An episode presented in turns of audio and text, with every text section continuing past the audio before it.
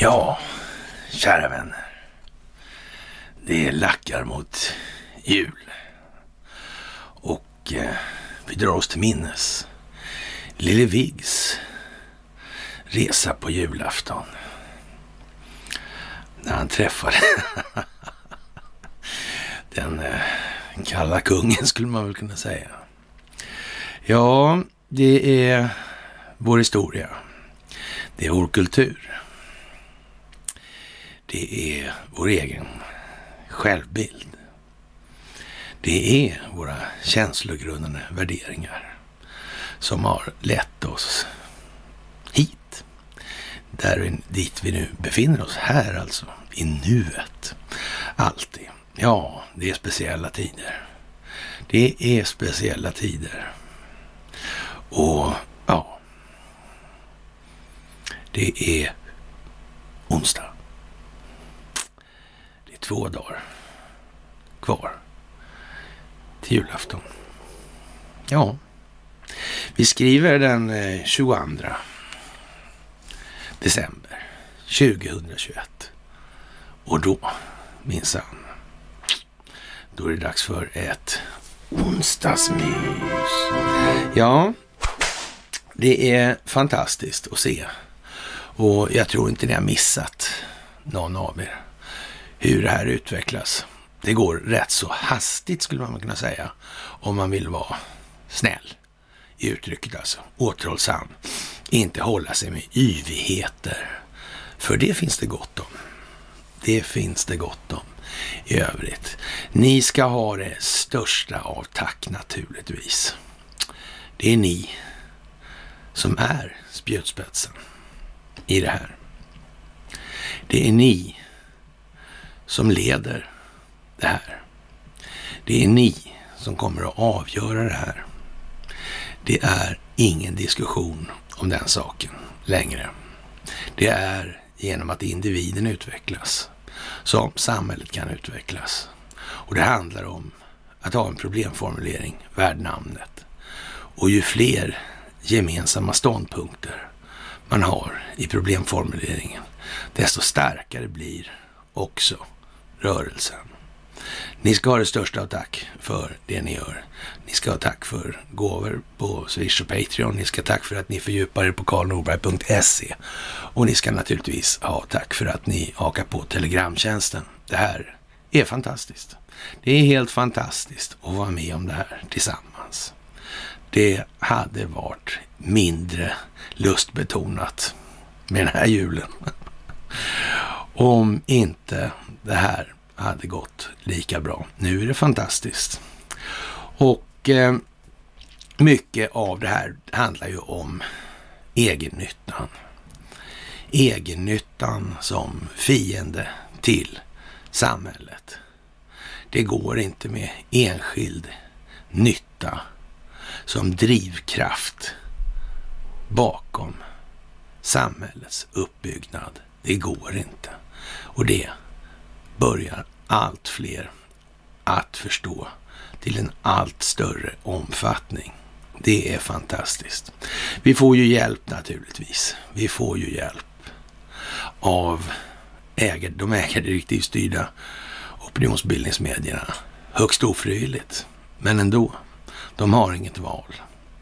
De skjuter sig själva i sank samtidigt. Alla kan se motsägelserna i ljuset från verkligheten.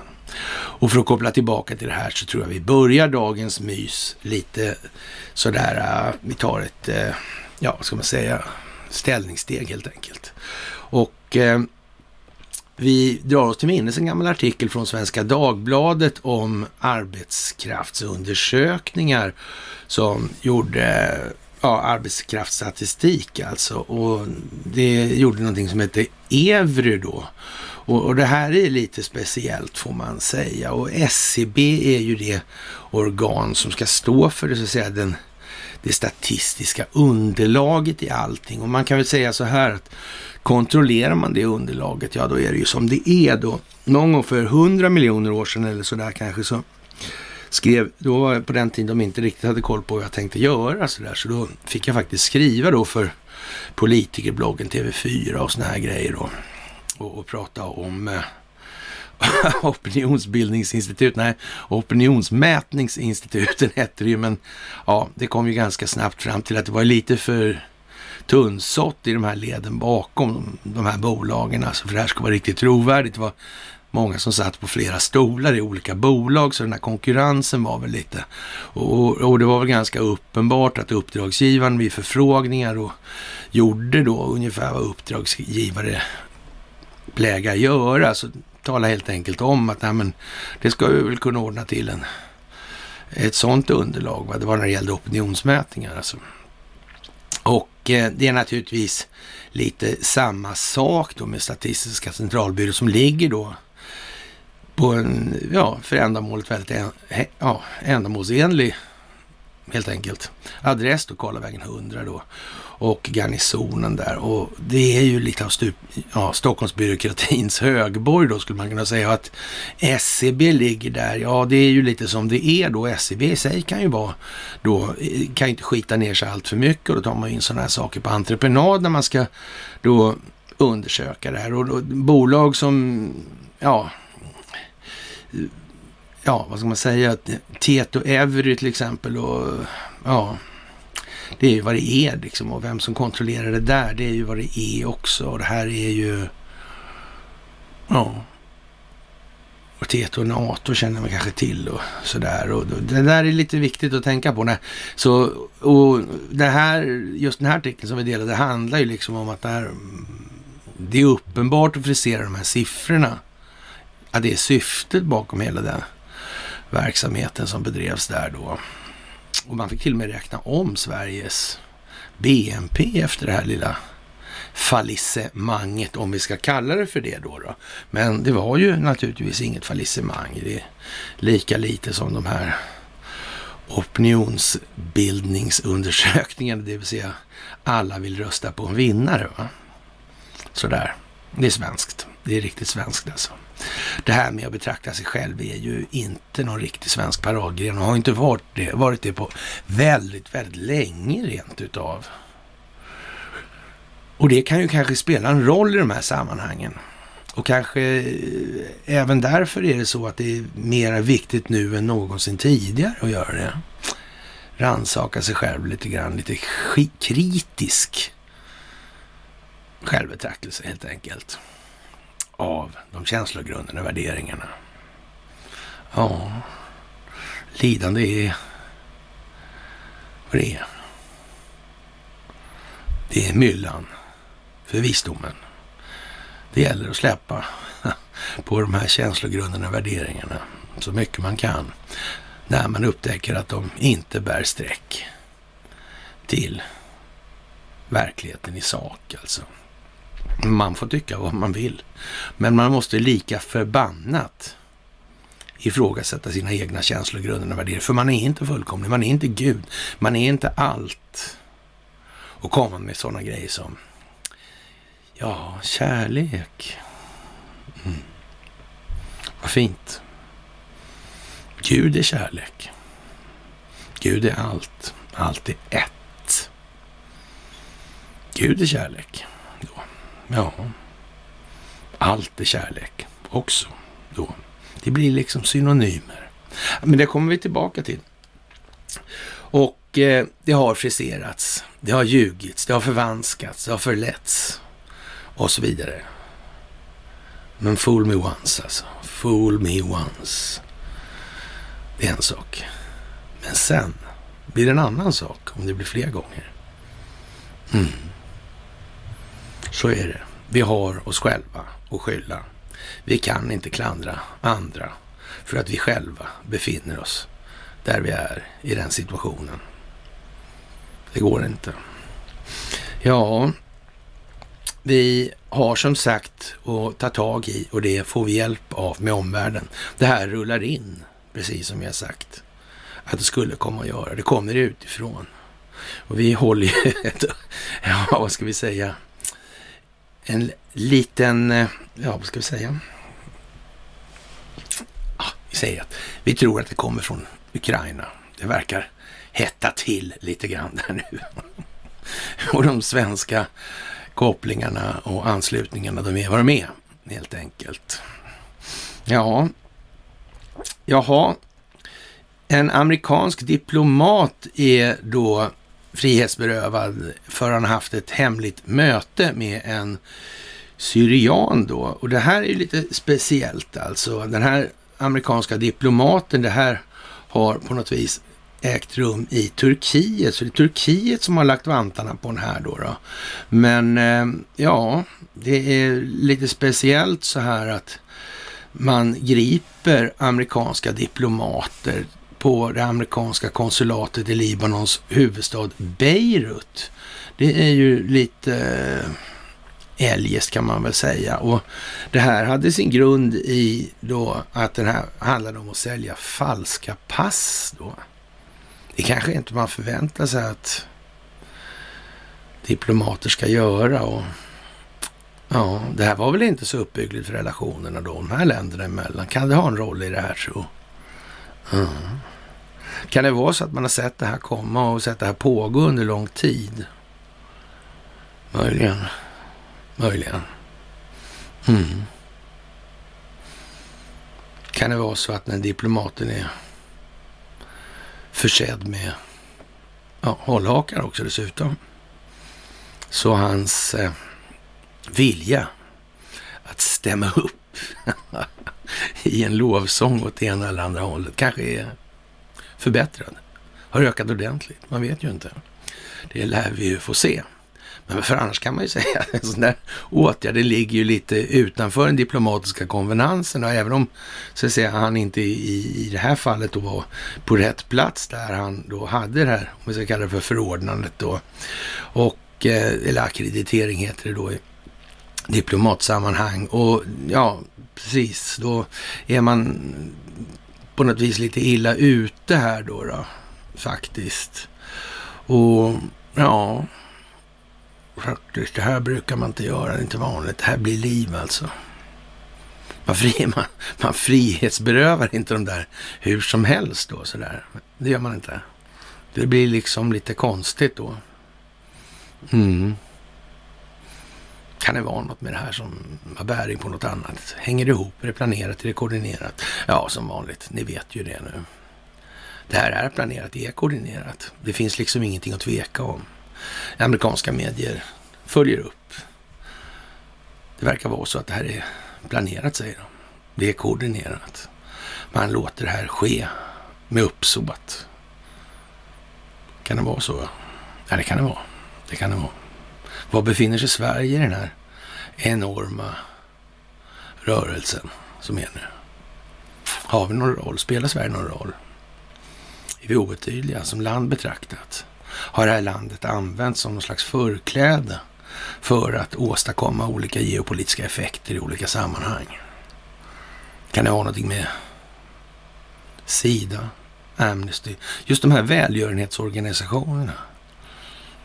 Har vi torgförts internt här i landet som en humanitär stormakt? Verkar så, verkar så. Det verkar vara en del av den svenska självbilden. Vi är duktiga, snälla, goda.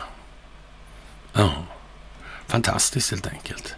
Postkodlotteriet är bara en liten givare till ja, Clinton Foundation och så vidare. Ja, speciellt det där. Det här med givaransvar, det är en mycket intressant fråga i vad som kommer. Den här dörren man verkar hålla på. Hur går det egentligen med det här fönstret, Sassman-fönstret, som vi kallar det för? expanderar det där. Verkar så, verkar så, ja. Det kan bli något av det där, va? Mm. Står det något i svenska medier om de här grejerna förresten? Nej, det gör det ju inte. Nej, det gör det ju inte. Så det tycks liksom staplas på här nu. Det tycks byggas upp någonting. Mm. Det verkar vara en grej i det här. Och vad händer när allt väller in som en tsunami? Det kan man fråga sig. Det kan man fråga sig. Ja, det är lite dramatik helt enkelt, får man nästan säga. Och eh, på tal om dramatik då, så verkar det precis som att Kina har en idé om att man måste nog stämma lite i bäcken i det här. Det här är ju en situation när den djupa staten i Kina börjar känna att det drar lite då. Alltså de kan också läsa tidningar på det viset. Det tror jag faktiskt vi kan utgå ifrån. Och då kan det ju vara att de ser sådana här grejer som att Turkiet brukar, eller börjar gripa diplomater, amerikanska och så alltså. Om vi då helt och hållet bortser från att de spelar på samma sida som Turkiet och så vidare. Så, och även om man resonerar ner det här eller bryter ner det här i små delar så kommer man ändå fram till då att ja, den djupa staten i Kina måste nog börja skruva lite grann på sig nu. Vad ska de göra för någonting då? Vad har de för någon medel till buds liksom? Mm. Härskaren inom söndring är alltid det är standard för det här, alltså standardförfarandet. Det är det modus operandi som alltid kommer till. Ja, då måste man ju stöka till det då. Då måste man ha någon stad där man har förberett och har då celler, eller vad ska jag kalla det för, eller strukturer som kan agera samfällt i det här. Och man måste ha medier och sådana här grejer med sig då. Och medierna kan vi nog räkna med att de har nog Xi Jinping och gänget tänkt på att de ska nog hållas på ett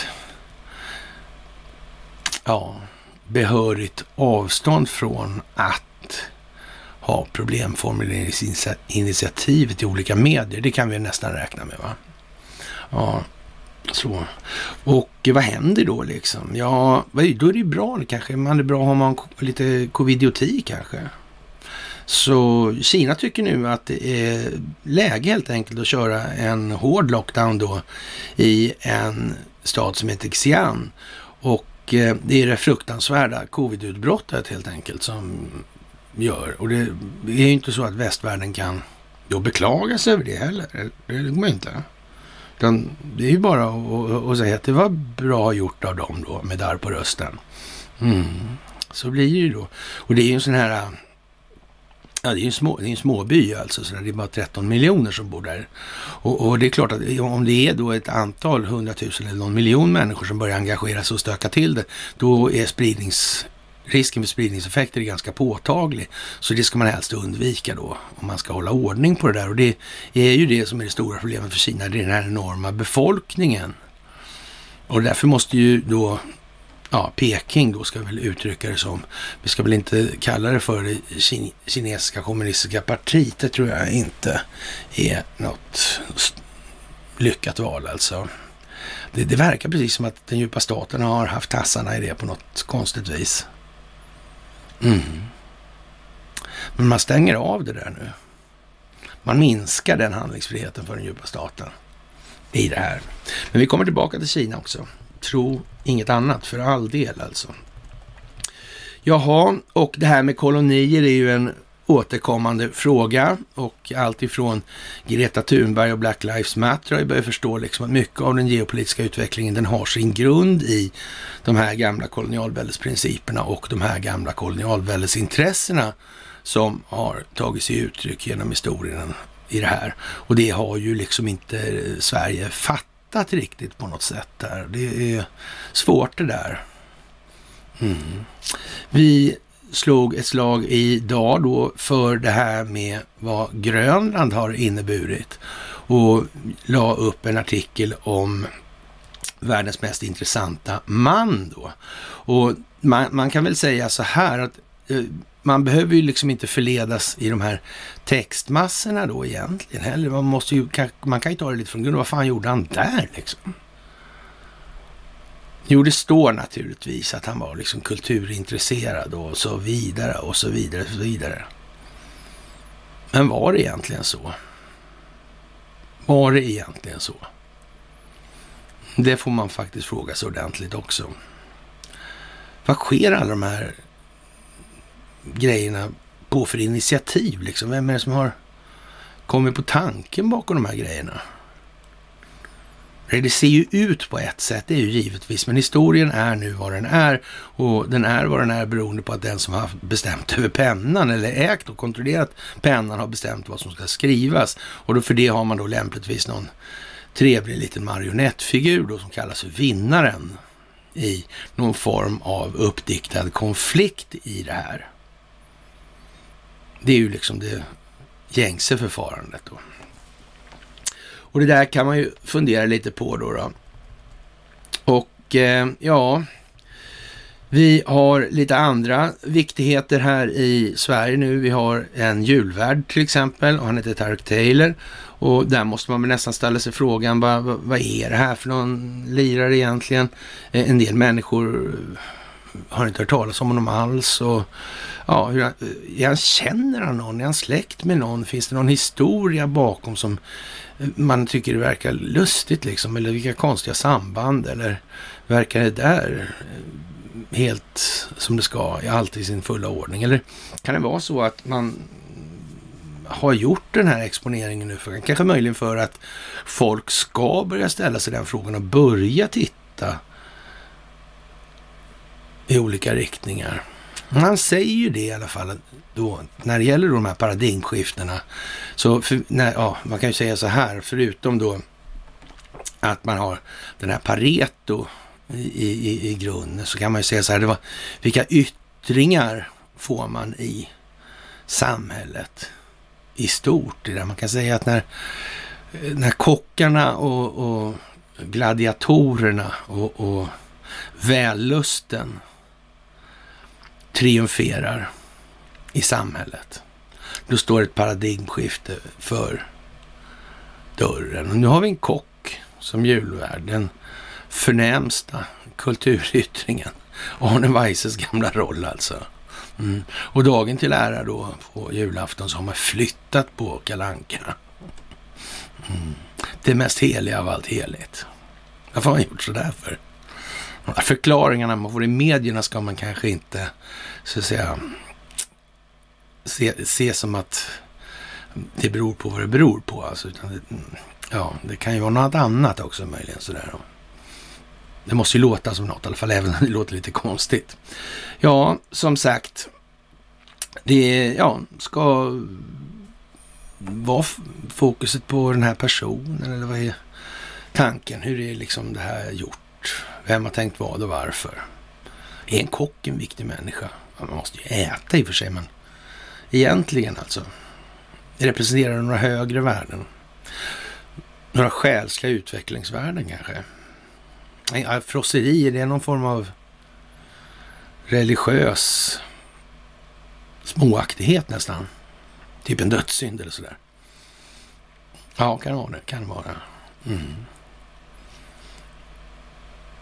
Är det svenska folket dömt att upptäcka att dess välstånd har offrats på den falska solidariteten? Det sägs ju så i alla fall. Det sägs så. Det var minsann ingen, eh, ja vad ska vi säga, moralfilosofisk gigant som uttryckte de orden i slutet på sina memoarer. Nej, det var Torsten Nothin själv alltså. Mm. Och vi kan väl säga att hans moralfilosofiska geni, ja, det var helt enkelt vad det var. Inte så uttalat, helt enkelt. Ja, och eh, på tal om moralfilosofiska genier så kommer vi ju osökt in på Mikael Damberg och det är naturligtvis en gigant i de här sammanhangen. En, eh, ja, vad ska vi säga? Ett varnande exempel helt enkelt från intellektuellt övermod hos befolkningen. Därvid fyller han sin roll väl, faktiskt. Det gör han ju. Men, men eh, i övrigt så är det väl lite tunt med då eh, att ställa upp bara för man är helt enkelt eh, snett konstruerad i själen. Det är ju kanske inte vad man skulle kunna förvänta sig egentligen. Det borde kanske inte vara så rent utav faktiskt. Hur som helst, det är så att de här samordningsnumren då, hundratusentals sådana där då, de ska städas helt enkelt. För han blir mycket provocerad, säger han då, Damberg. Han har nämligen inte upptäckt det här tidigare och det har ingen annan heller. Att de här samordningsnumren har använts då för ett systematiserat eller institutionaliserat fusk då. Man skulle nästan kunna säga att det är snudd på man se, kan se det som en metod att få ut pengar i realekonomin nästan. Va? De här bedrägerierna har ju lustigt nog fortgått och fortgått och ingen har kommit på liksom. Faktiskt, nej vad konstigt. Så det har ju försörjts en och annan räntekostnad på det där, det, så är det nog ja. Ja, ja. Mm. Men det går ju inte att härleda de där grejerna med Swift och sådana här grejer heller. Så det går inte att se vem som har betalat det här och har använt de här brottsliga pengarna heller. Det gör inte det. det kan ju bli lite, lite komiskt det där om det vill sig så illa. Men det är mycket som blir komiskt nu, eller tragikomiskt skulle man väl snarast kunna säga att det blir. Va? Och det är ju lite tragiskt också, men det är ju kanske mer komiskt också. Man får ha lite distans till sig själv helt enkelt. Och eh, ja, är, man kan ju fråga då hur, hur det blir med framtida statistik då och den här statistiska centralbyrån då. Och om det nu helt plötsligt blir att det börjar försvinna då storleksordningen ja, 700 000 personer, det är ju rätt många alltså. Alla är naturligtvis inte fake, men en rätt så stor andel är väl det kan man tänka sig. Mm. Och då är det ju bra då, när de inte är så där jävla många, då kanske det är bra att... Eh, kanske man kan tala om att migrationen kanske inte har varit riktigt fullt så påtaglig som har gjorts gällande i alla lägen. Och, men för att ändå få lite väsen på det där, då är det bäst man ser till att det finns lite folk som gör väsen istället. Mm. Det är väl aldrig så att man har tagit hit folk för att göra väsen? aldrig. Nej. Och det förresten, det ger ju vatten på kvarn till de som säger att det där med migrationen är ett enormt problem. Verkar inte det här lite konstigt att det är ett enormt problem med migrationen och så här och, och, och sen är det en massa fusk med de här äh, människorna då som har det här numret då? Är inte det lite lustigt? Kan det vara planerat då på något sätt det här? Från den djupa statens sida alltså. Mm. Är inte det konstigt? Är inte det konstigt? Lite konstigt är det allt. Det tycker jag nog. Ja, det får man nog säga va. Det får man faktiskt säga. Lite grann i alla fall. Och eh, vi har det gamla vanliga i de här sammanhangen. Vi har energifrågorna, elpriserna. Ny metod kan mildra elpriserna och vår nya energiminister som heter Kashiar Farmanbar och han är socialdemokrat till namnet i alla fall. Och eh, egentligen så är han då en marionett egentligen, men det spelar kanske ingen roll i det här sammanhangen. Och eh, ja, man har då börjat ta hänsyn till, säger man då, att det här med priserna är ju för jävligt och han vill inte gå in energiministern då på alla punkter som har tagits upp för att komma till rätta med det här. Men han nämner en punkt i alla fall som man hoppas kan ge effekt redan i närtid och det är en variant som kallas motköpssystem, säger han. Och, och vi, har, vi har väl sagt så här, vi, har, vi anser nog någonstans att det här med eh, kraftförsörjningen, det är, det är en samhällsangelägenhet och då kan man väl säga att, att folk som sitter och spekulerar, alltså en finansiell marknad kopplad till det här, det är kanske inte vad som främst för nytta till samhället. Så kan man säga va? Det, det, kanske nästan alla kan förstå faktiskt. Ja, men hur som helst. Om det finns ett elnät mellan södra och norra Sverige så används inte den fulla kapaciteten. En del reserveras i händelse av kris alltså. Det står liksom tomt då alltså. Mm. Ja, genom att lägga till fler elproducenter genom att man köper från utlandet eller lokalt i söder kan man frigöra det här utrymmet i nätet och får, och då, och får då betydligt bättre nätkapacitet snabbt, säger då den här Kaj Ashar Farmanbar. Och ja, man kan väl säga så här att det där är väl lite ordsallad. Sådär. Hur är det här? För det går inte att lagra det där på något bra sätt va? Nej, vi gör inte det. Och i den meningen så kan man ju säga att de här propellrarna fyller ju i alla fall den funktionen att man kan så att säga, jämna ut belastningen då. Så man kan ju köra dem istället då. Sen kan det ju vara så att man kör de här för att hålla upprätt ett, eller ett prisupprätthållande underskott istället då, som man säger då. För, och, och sen har man då de här finansiella mekanismerna för att ja, backa upp det här då, då rent valutafinansiellt. Och, och, man kan ju tycka att det där är ju nästan så att en femåring kan räkna ut det där, men det är tyvärr så illa att eh, många människor i det här landet bestäm, befinner sig just nu på den typen av nivå i analysen av sånt här. De förstår ingenting, helt enkelt. Och det är vår roll i det här. Att göra det här lite mer klart, lite mer gripbart så de kan omfatta det här i sin tankesfär. Det handlar om optiken, det handlar om att göra det här till en bild som människor kan koppla till och använda sina egna referenser. Ett primärt skede i det här blir naturligtvis vad vi ser och har sett den senaste tiden. Priserna måste höjas. Det måste svida. Det måste tvingas fram ett engagemang i det här. Och det är vad som har skett.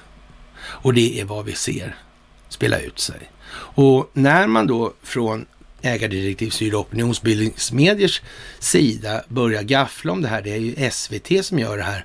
Och eh, vad ska vi säga? De eh,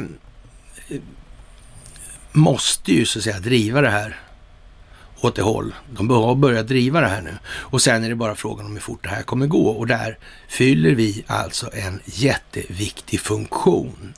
Och alla de här som ägnar sig åt alla andra frågor som aldrig har med de, det moderna krigets tre grundkomponenter att göra. Återigen alltså, skämmes ta med fan nu. Skämmes ta med fan. Det här börjar bli löjligt. Det börjar bli löjligt. Men eh, tro mig, det kommer att ledas in på den väg det ska. Men förklaringen, de kommer vi få stå för. Så är det. Och det är vår analys som kommer att verka ledande i det här. Det är helt säkert. Och det är vår analys som kommer bli vad den här folkrörelsen kommer att enas kring i det här. Det räcker inte att säga, det är Gud. Det är kärlek. Det är frekvenser. Ja, vi står inför en uppstigning. Ja. Mm. Men det moderna kriget är nu en gång vad det är. Och då hjälper inte sånt. Det räcker inte. Det är ingen problemformulering som går att enas kring. Vad man ska kalla det? Ja, det finns mer eller mindre väl, vällovliga ordval till det. Men eh, det är nog bra om vi håller oss till verkligheten tycker jag. Och språket är vårt viktigaste vapen i de här sammanhangen. Det är inte svärdet. Under inga omständigheter är det så. Faktiskt. Den djupa staten är för stor för det här. Det går inte. Det är ordet och befolkningen som är vägen framåt. Det är en problemformulering som är tillräckligt vid för att man blir så att man blir tillräckligt många för att enas kring vad som är problemet. För att ha det att utgå ifrån. För att individer ska utvecklas så att samhället kan utvecklas. Det är inte så svårt. Det är rätt lätt faktiskt. Jaha, och eh, to, slopad skatt är ju en annan modell i det här. Men som sagt, det är återigen det här. Hela konstruktionen i sig är ju förvriden, alltså förvrängd. Det har ju aldrig gått ut på vad man har sagt det ska gå ut på. Aldrig någonsin ens. Och därför befinner vi oss där vi är. Och nu försöker man då eh, vinkla in det här så att folk ska förstå och se och så vidare. Och, och så mycket kan man ju säga, den här nya energiministern Khashayar Farmanbar, han är ju inte liksom exakt någon sån här, eh, ja, han är inte direkt folkkär då, om vi säger som så. Oavsett vad det är för individ, för det har jag ju knappt någon aning om på det viset. Men så mycket kan vi Och jag är ju hyfsat politiskt insatt sådär, så jag tycker att det finns en tanke bakom det här naturligtvis. Men han kommer ju inte få skulden för att ha ställt till något i det här. Det kommer han ju inte få. Nej, så han gör ju vad han ska göra helt enkelt. Och det är väl vällovligt så då. Jaha, och eh, det är återigen som vanligt de här kris, eller vad ska vi säga, ja kris kan vi säga.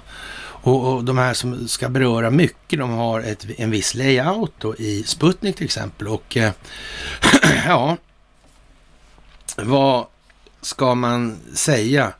Att eh, någonstans så har man sett på fan och internationellt är det ju också.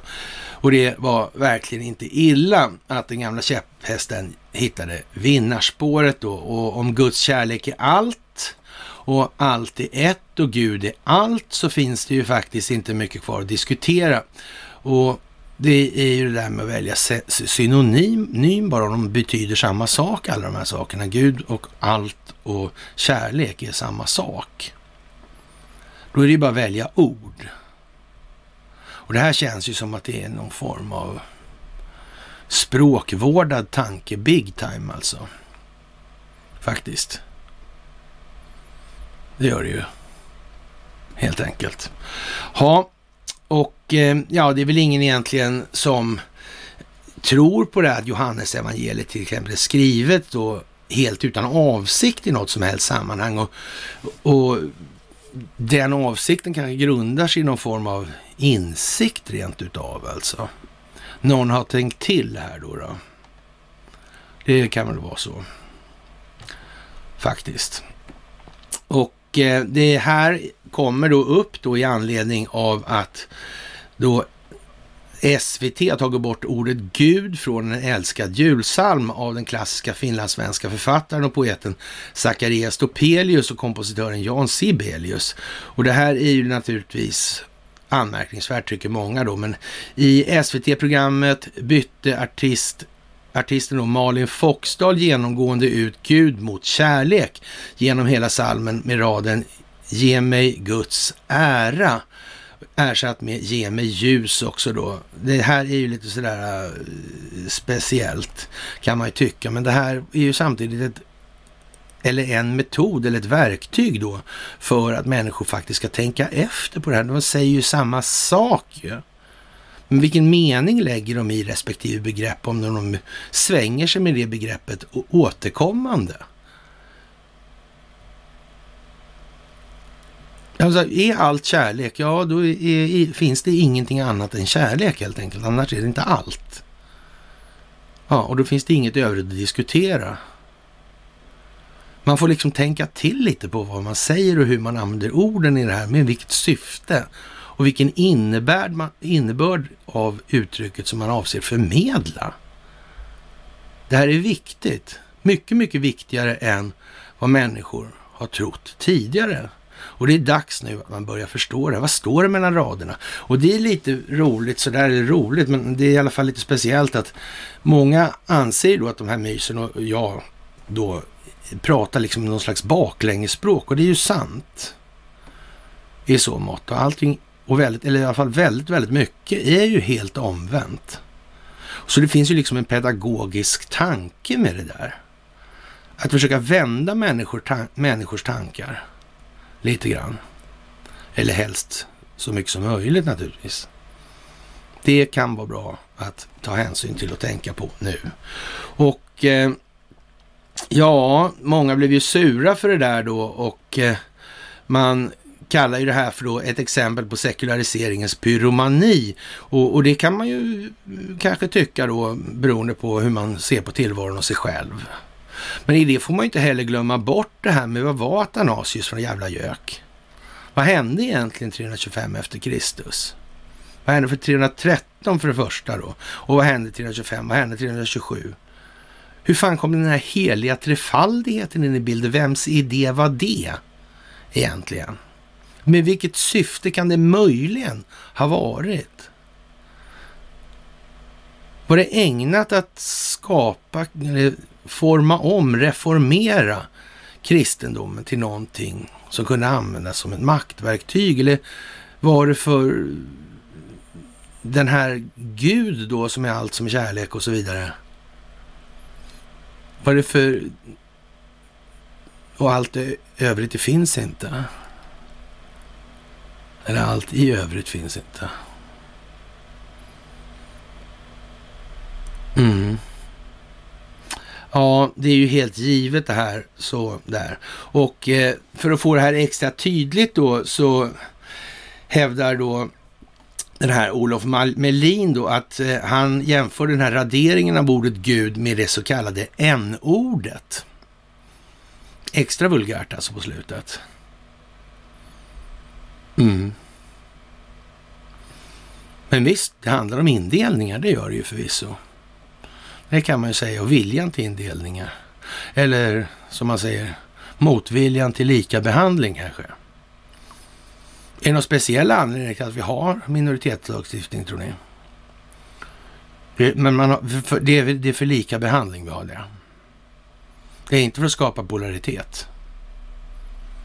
För att få grupper eller partier eller av partisering då. Får de här partierna stå mot varann. Det är inte därför. Nej. Ja, det kan ju vara så. Så här inför jul kan man väl säga. Jaha, och eh, vi får väl hoppas att det blir bra med den saken. Och eh, det här med politiserade religioner, det är väl sådär kanske.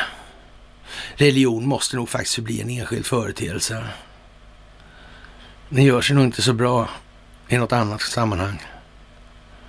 Vad är anledningen till att göra samfund av det här? Vem har sagt att det ska vara så? Varför? Vilken anledning, vilket syfte?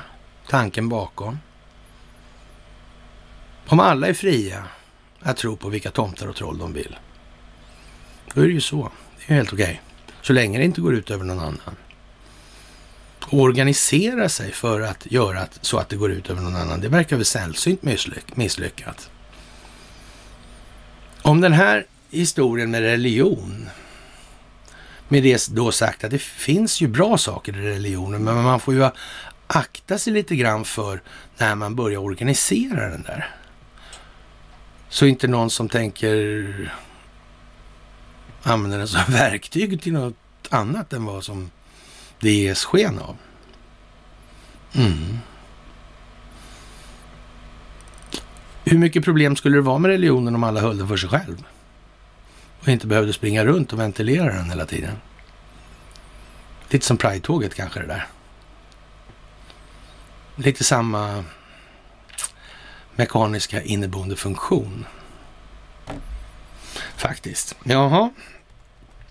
Och eh, en annan grej som kommer nu det är att Meghan Markle kanske ska då vittna i den här rättegången mot prins Andrew.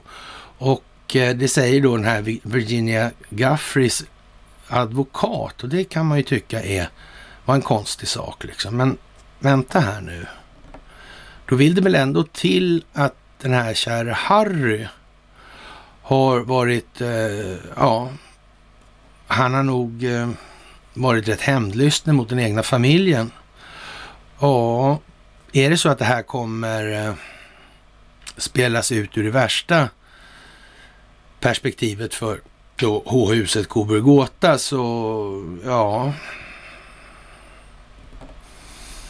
Då kan det ju bli rätt illa.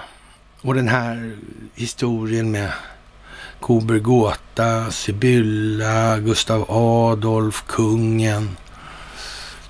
Mm. Det här handlar ju om Epstein. Finns det kopplingar? Som går parallellt kanske. Finns det några enbommare sprungna från, eller ätteläggar från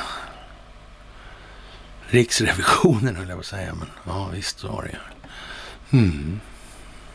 Finns det någon finansiering från Epstein? Handelshögskolan?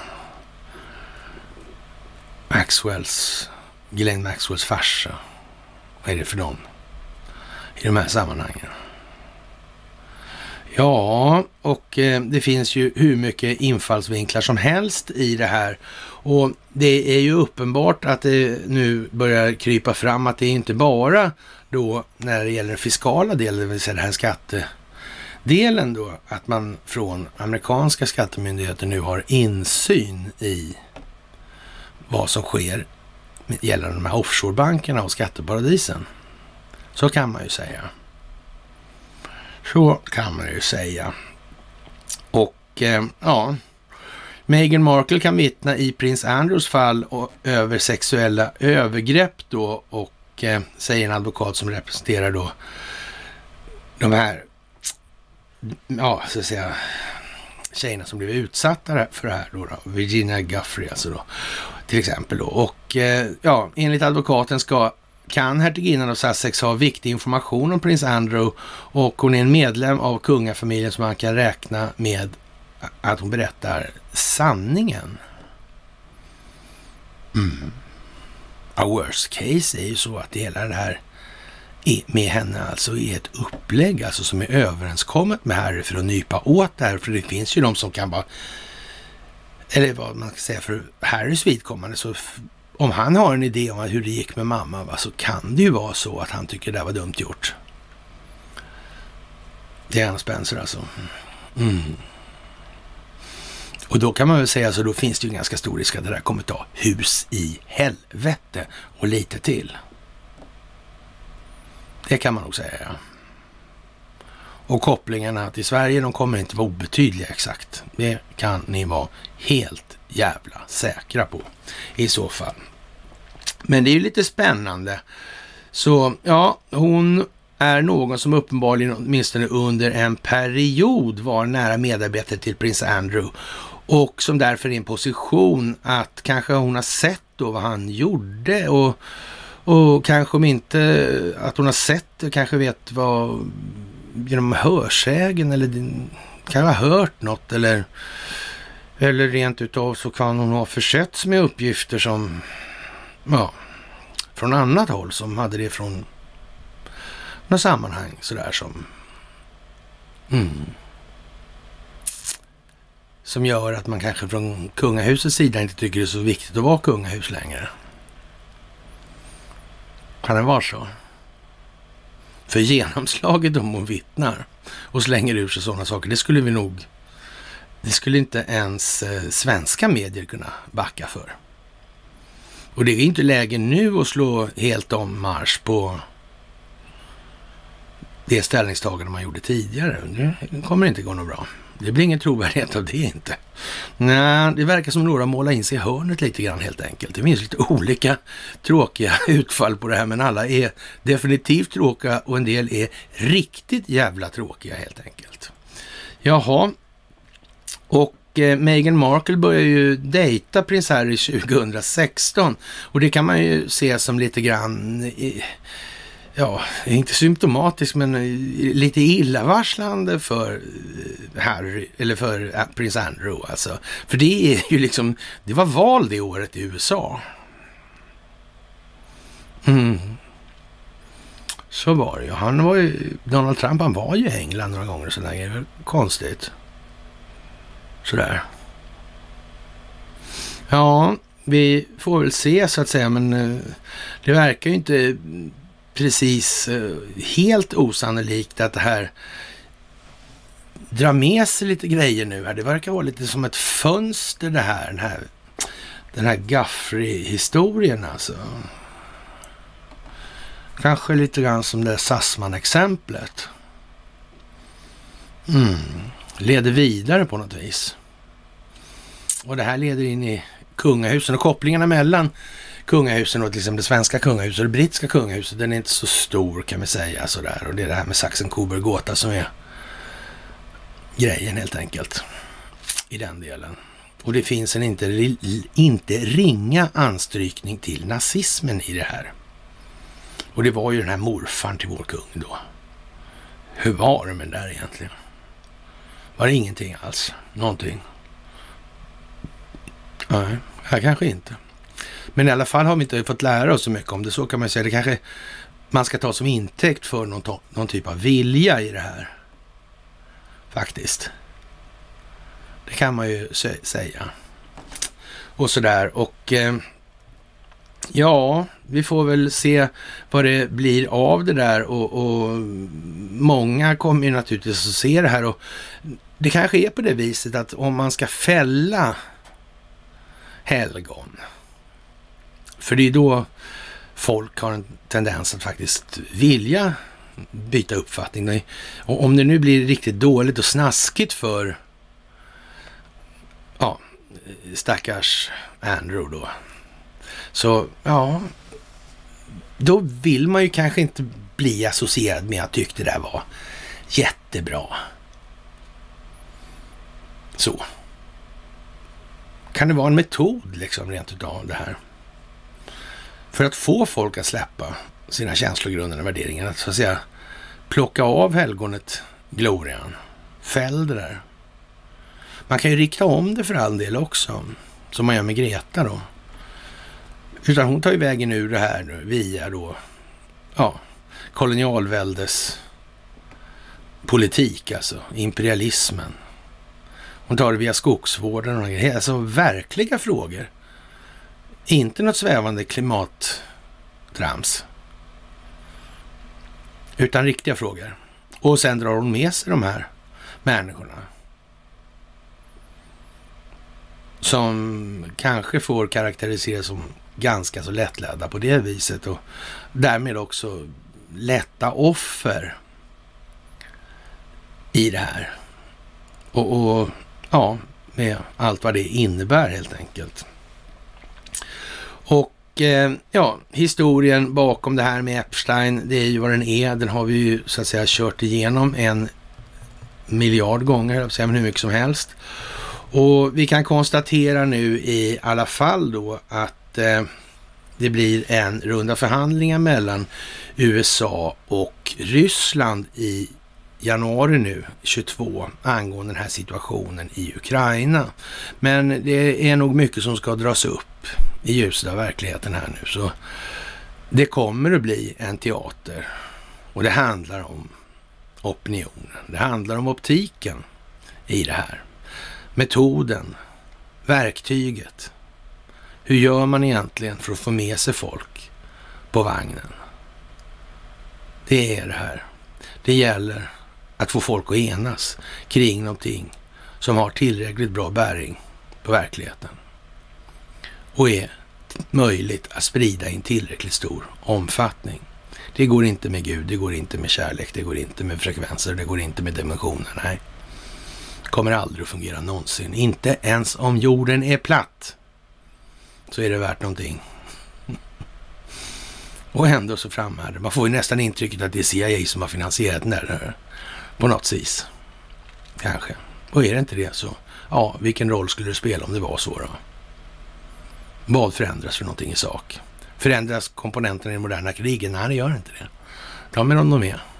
Det är precis samma sak. Det finns vissa artillerieffekter man kan möjligtvis undra över hur det där, men det är ju, de tillhör den här femprocentiga lilla delen alltså. Den här Coriolis-effekten där. Så det gör kanske inte så mycket, men varför framhärdar folk då? Ja, det kan man ju undra och som sagt så kan jag väl kommentera det igen då om de här gökarna som åker runt och säger att det ska bli, ja, man ska mer eller mindre göra väpnad revolt och såna här grejer. Sådana jävla dumheter, det går bort. Det går så jävla fet bort så det liknar ingenting. Vansinnet inkarnerat. Okej, okay, men vad säger det då i så fall om syftet? Hur är det här egentligen? Mm. Vem gör vad med vilket syfte? Varför helt enkelt? Varför? Ja, man får tänka till här nu. Och det är bra om man gör det då.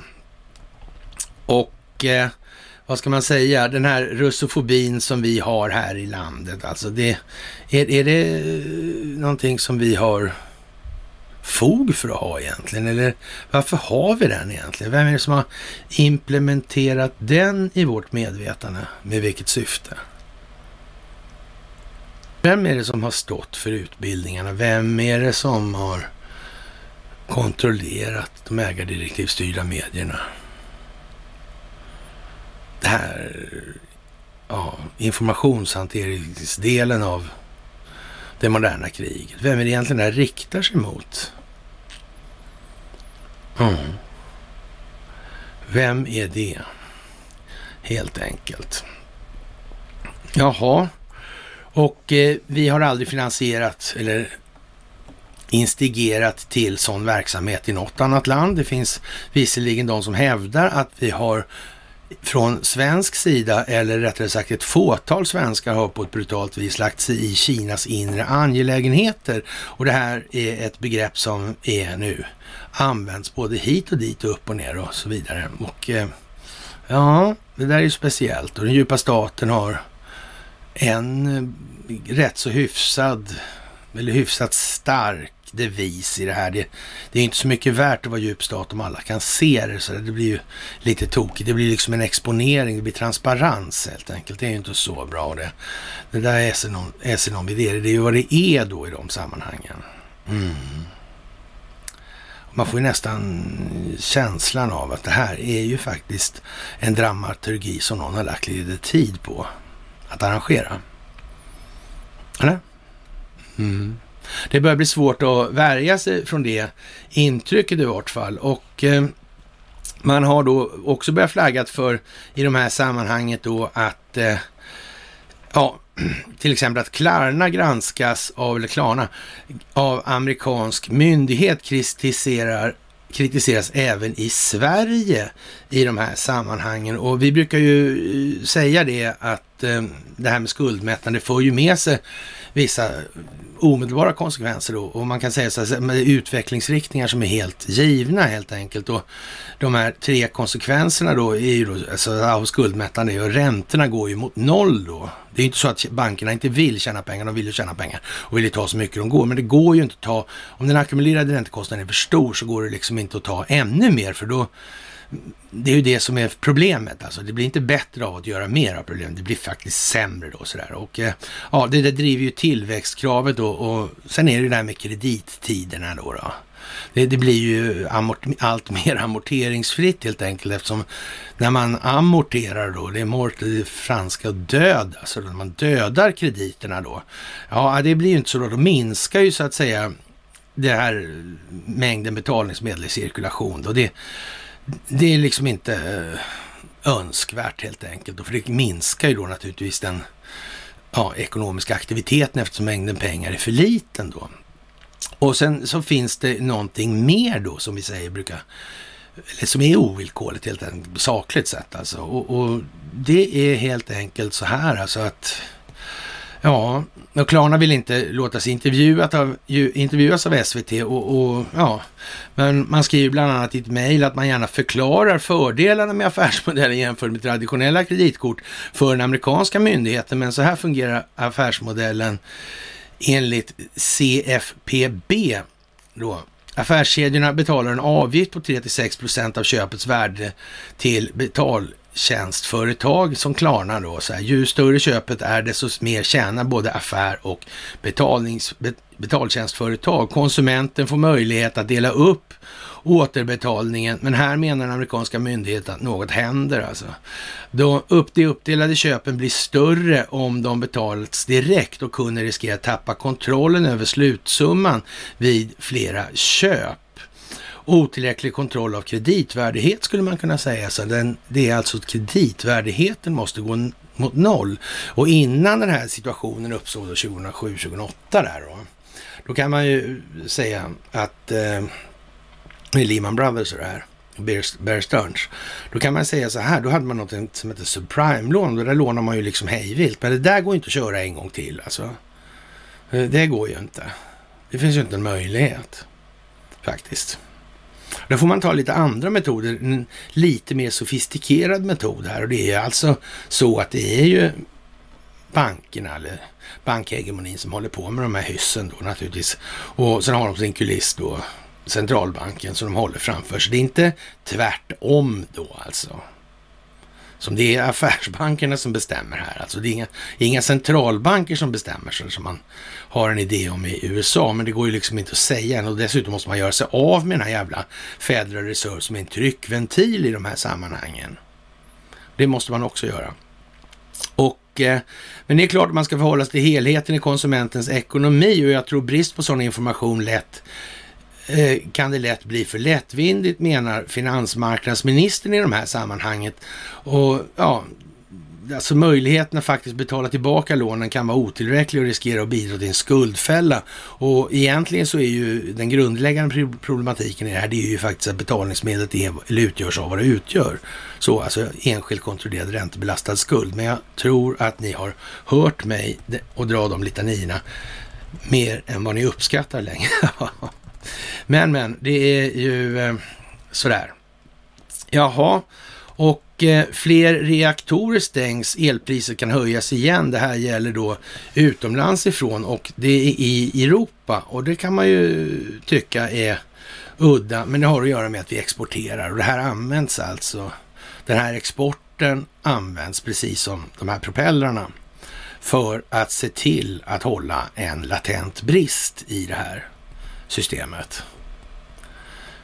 Det är ju liksom modellen och de här prismodellerna eller prisbildningsmodellerna eller prisbildningssystemen eller mekanismerna, vilket man nu väljer att kalla det för, det är ju rena, ja, det är ett moras. Det är helt oseriöst alltså, faktiskt. Och de här grejerna ska naturligtvis inte ligga i händerna på enskilt kontrollerade vinstmaximeringsintressen. Nej, nej, det ska inte vara så. Och hur kommer det sig att det gör? Varför säger man ingenting? Och eh, ja, och då kan man komma... det här är ju då lite roligt för det här var väderkvarn och kärnkraftverk på samma bild. Och, och ja, en bildsättning avpassad för svensk optisk logik. Alltså hur fan kan det ens anföras som någon slags logik? Det säger faktiskt en hel del om befolkningen som målgrupp betraktat, inleder vi då med. Och eh, om kärnkraftbortfallet gör att mer el behöver produceras med naturgas och gaspriset stiger ytterligare så kommer elpriserna öka och detta kan i sin tur smitta till Sverige. Men om det blir så, eller hur mycket, det är svårt att säga. Men när, när, när de börjar skriva så här tydligt då kan man säga, då finns det faktiskt, eller man kan säga att det ligger i farans riktning, att de har en tanke en underliggande tanke bakom att uttrycka sig det här också. Den både underliggande och bakom alltså. Och det här handlar om Svenska Dagbladet alltså. Varför skriver man något sånt? Det låter ju inte så, man vet ju inte ett dugg om vad man snackar om då. Vad är det för mening att säga något som man inte vet liksom? Och först också i artikeln. Det finns ju inte på en karta. Det här är för att väcka tanken hos människor. Skapa en bild av, han verkar inte veta någonting. Nej, han vet ju tydligen inte det. Och verkligheten är den att det finns inga sådana här kopplingar. Det finns inga sådana mekaniska kopplingar. För hela prisbildningsmekanismen är en chimär. Den fungerar inte så på... Det kostar inte någonting extra alls. I princip. Att producera en ytterligare kilowattimme i det här. I den befintliga produktionsapparaten. Det här är ju bara nys. Antingen det blir kall, är kallt eller varmt. Det, alltså turbiner snurrar, punkt slut. Och kraftproduktionen är till stora delar bestående av att mekanisk energi omvandlas till elektrisk energi. Det här är inte liksom jättekomplicerat på så vis. Det komplicerade, eller vad man ska kalla det för, det som inte borde finnas där men som är komplicerat just därför. Det är ju de här liksom, då finns det helt plötsligt en, vad ska vi kalla det för, virtuell marknad i det här. En fiktiv marknad. Där alla de här sakerna händer. Handel med terminer på energi som ännu inte är producerad. Jaha. Det är fler som vill, säger att de vill köpa energi. De sitter med tebladen där och spåkulan. Och säger på tisdag, då vill jag köpa åtta enheter energi. Och då säger någon annan, jag vill köpa 14. Ja, då bjuder jag över dig. Så får jag köpa dem. Okej. Okay. Och, och, produktionssidan säger, vadå? Ingenting. Men det här är ju lika dumt som det här med pengarna. Och dessutom sitter det ihop. Är inte det fantastiskt? Och vänta bara när försäkringsbolagen kommer upp, för de kommer upp också. Bank och försäkring är en kategori för sig. Undrar varför? Ja, det kan man undra. Jaha, det är ju lite sådär va, kan man tycka. Vi är egentligen bara ombedda av naturen, eller rättare sagt, vi kan säga så här. Dolda synergieffekter för läkemedelsindustrin genom en livsmedelsindustri understödd av utbildningsväsende och mediakollektivet. Ja, kan det vara så jävla illa alltså? Men om man ser att de ägs av samma då? Det är samma intresse. Är det kanske inte på något vis så att det här intresset har grupperat sitt ägande just efter den tanken eller det bara blev så av en slump? Det var inte så att det här ägandet sökte de här synergieffekterna. Men håller de i det dolda? Det, så kan det inte vara. Det finns inte en möjlighet helt enkelt. De tänkte inte så strategiskt. De satt mest och drevs av en uh, blygsam patriotism, tror jag PM Nilsson skrev. Han skaldade nästan då. Så dessutom flytande lögn dessutom. Men det är ju som sagt, det är de bra på på DI, så det har varit väldigt länge. Sådär, så det är ju som det är. Jaha, och sen har vi det här med den här fantastiska isproppen alltså. Då blev det för varmt, eller det blev varmt alltså. Det är för, klimatet är ju varmt alltså. Det är uppvärmningen som är faran. Va? Så.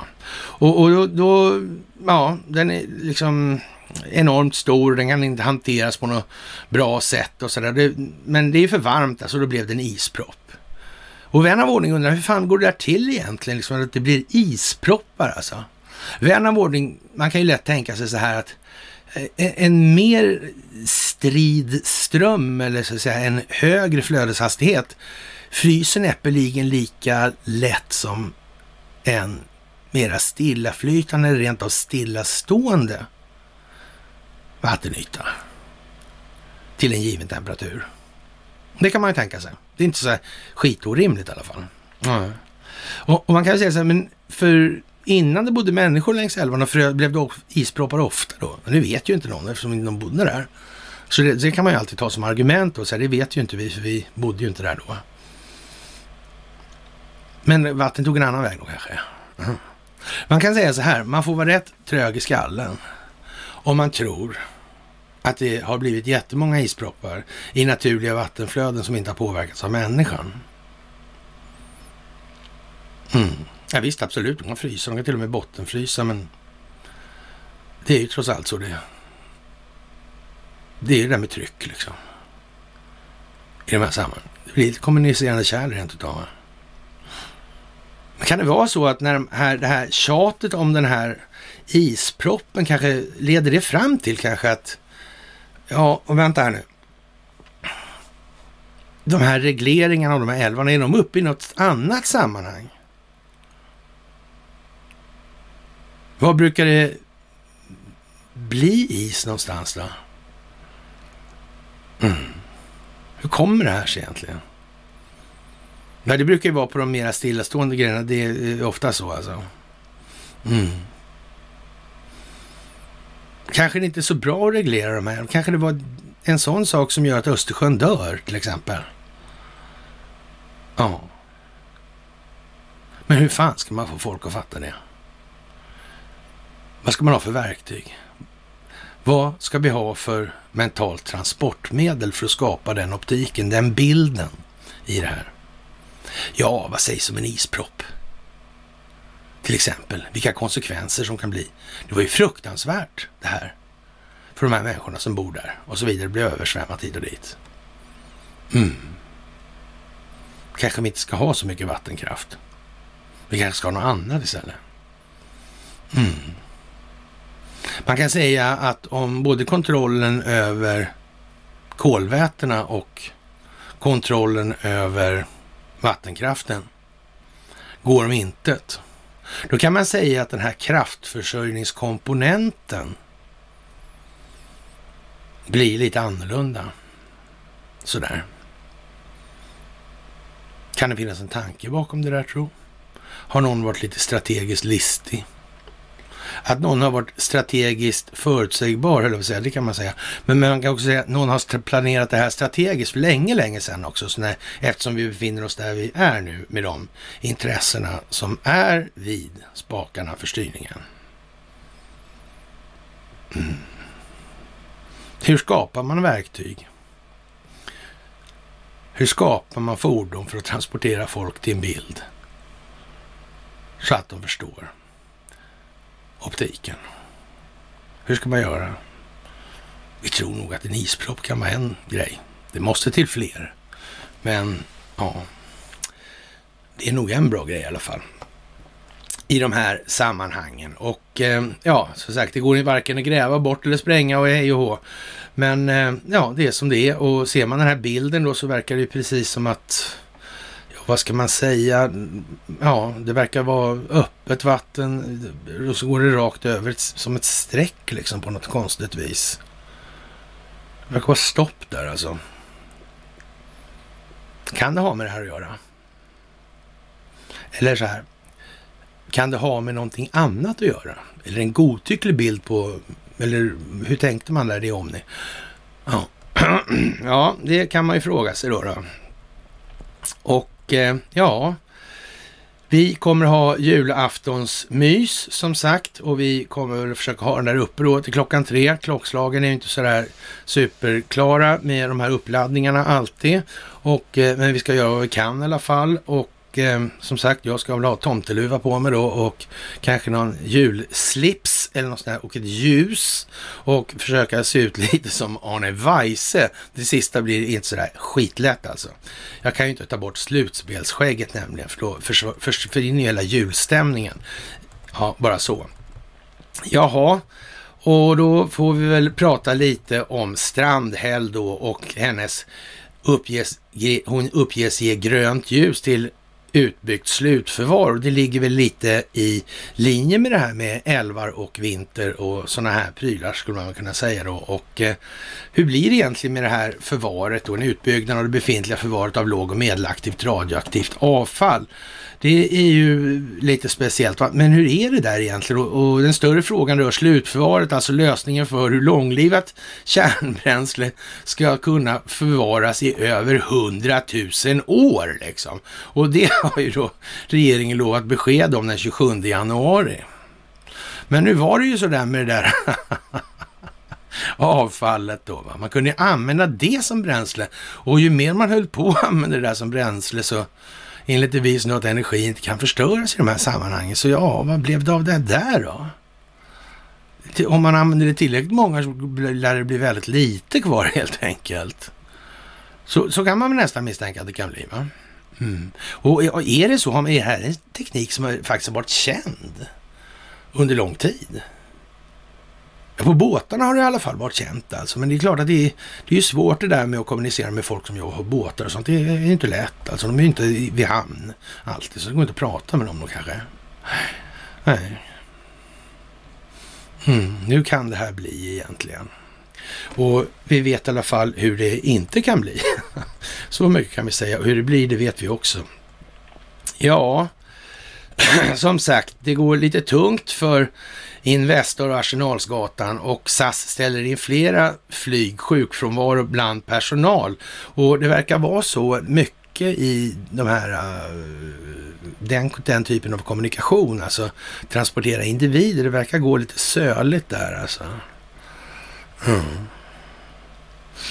Men det kan man väl säga så här, om det är så att det ska stökas och man från den sida som ska bekämpa, vill bekämpa den djupa staten, då finns det kanske poäng med att hålla det här lite begränsat också. Det kanske till och med finns en poäng med att köra lite lockdown och sådana här grejer även i det här landet. Så över jul kanske till och med, man vet ju inte. Det kan ju vara lite bra kanske. Då har ju folk i alla fall någonting att pyssla med. Och, ja, även om kanske inte tvn kommer funka sådär jättebra. I alla fall inte ur allas perspektiv. Så skulle det kunna vara också. En tanke man ska faktiskt inte förkasta helt och hållet ännu. Sådär. Ja, och det är väl lite speciellt det här. Vi har ju med någon form av dåres envishet tjatat om det här med Lars Vilks då. Och, och ja, Ladonien och det här med, med San Marino och, och, och, Sverige som Ladonierna ligger i krig med och sådär. Och, och att Lars Vilks faktiskt har en oerhört mycket större kunskap om de här frågorna än de människor som uttrycker sig om Lars, Lars Vilks har.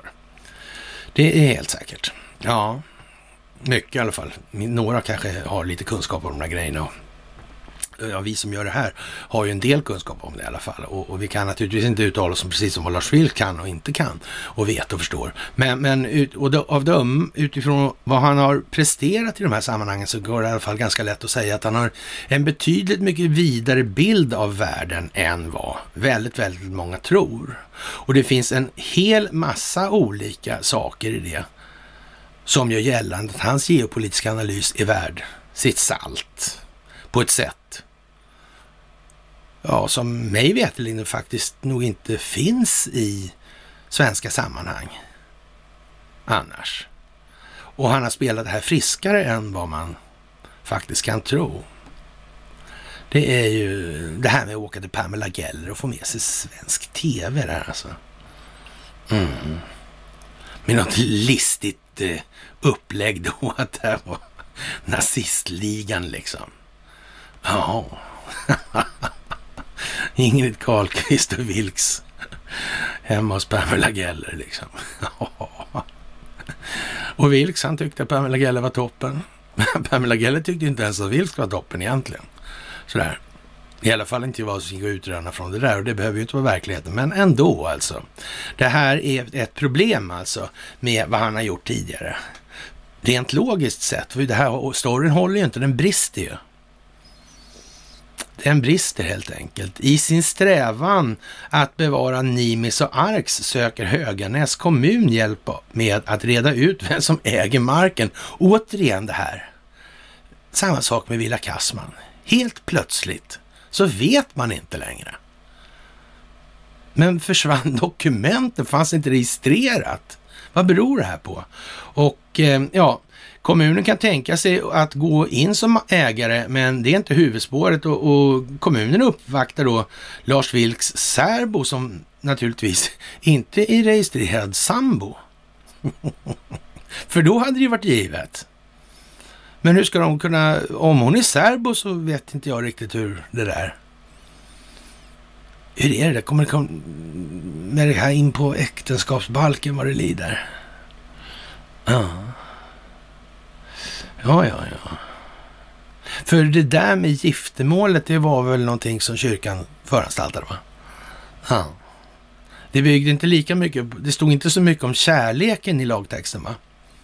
Som individerna skulle hysa sig för dem. Det stod inte lika mycket om det som det stod om till exempel bodelning och egendomar och ägande och sådana här saker. Det var, det var lite mer uttryckt om det tror jag. Alltså, vad kan möjligen ha varit tanken bakom det här? Var det liksom en... Eh, var egentligen giftermålet kanske ingenting som byggde på kärlek, utan egentligen då rent institutionellt då var någonting som var mer en ekonomisk reglering på något vis. Hur var det där egentligen? Verkar inte det lite luddigt? Eller rättare sagt, det är inte ett dugg luddigt det är ju som det är, helt enkelt. Sen kan ju många tycka det är tråkigt, men det får nog faktiskt accepteras att det ser precis ut som vore det så planerat helt enkelt. Jaha, och Magdalena ska tydligen inte åka till Sälen, eller skulle hon det? Jag vet inte. Statsministern redo för nya restriktioner hur som helst, så det kan man ju tycka är lite speciellt. Och, och i de här sammanhangen, eh, ja, att åka ut för i det här läget, ska det vara nödvändigt för henne? det är väl redan som det är skulle jag vilja påstå. Ja, men som sagt, som jag alltid säger, hon har ju sin lojalitet och det är i alla fall någonting som hedrar henne. Och så, jag skulle bli besviken om hon avvek från det spåret, vad ska jag säga. Jaha, ett eh, öppet brev till redaktören för Världens Gang då, Hanne Skartveit ifrån norska medborgare gör vi gällande att eh, Jens Stoltenberg kanske inte är så där jävla hundra i alla lägen.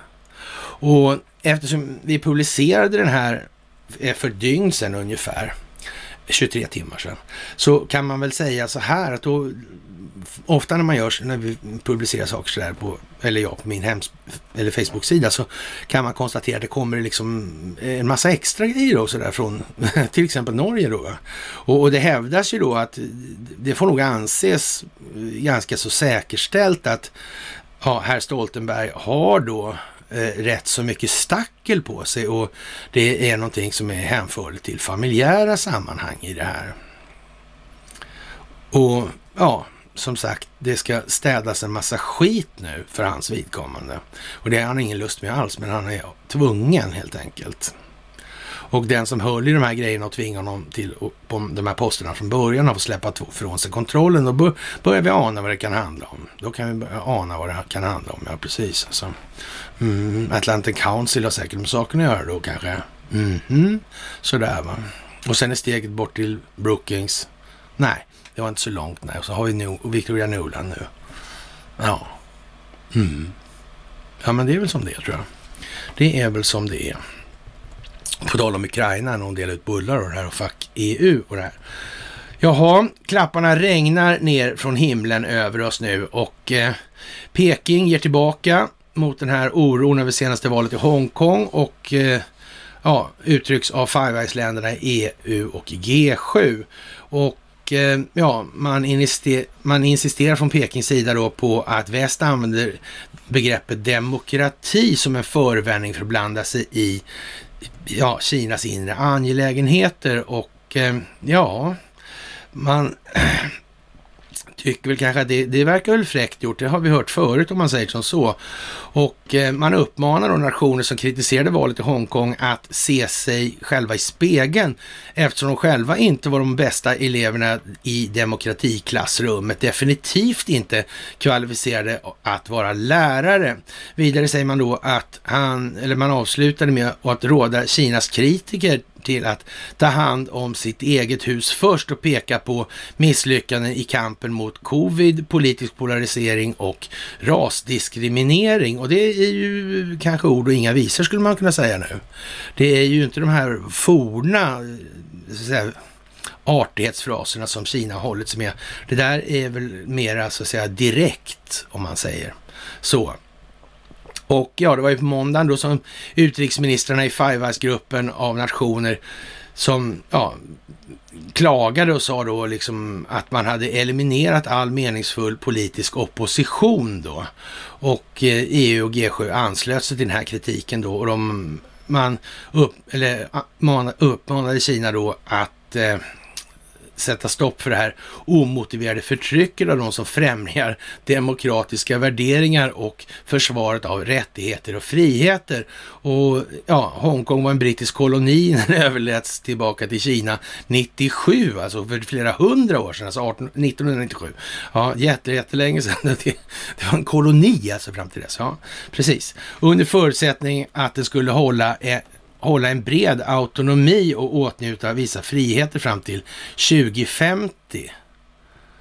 Alltså man ska ha vissa kolonialväldesfriheter fram till 2050. My ass liksom. Det, det, är ju bara... Ja, att de inte skäms. Nej, men det gör de inte. Det är bara så. Det kan ni vara helt säkra på i det här. Jaha, det blir en trevlig jul på många sätt i år. Det ser vi ju så.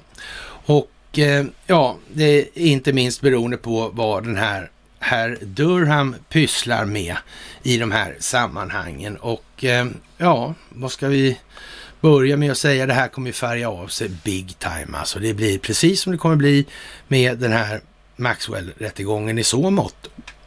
Och är det så att man har fattat beslut idag om domen så är det naturligtvis så, blir det en mild dom. Ja, då har hon redan lämnat informationen och då är det som det är. Och blir det en hårdare dom, ja då är det väl så att då är det ännu mer som ska växa ut i det här. Så är det också. Jaha, och eh, den här situationen bakom det här spåret då, den är ju lite som det är och man får väl nästan säga att man kan liksom inte ha... Vi vet att Clinton har betalat för de här stilarbetena då, eller stilärendena och det här bakom är Fusion GPS alltså.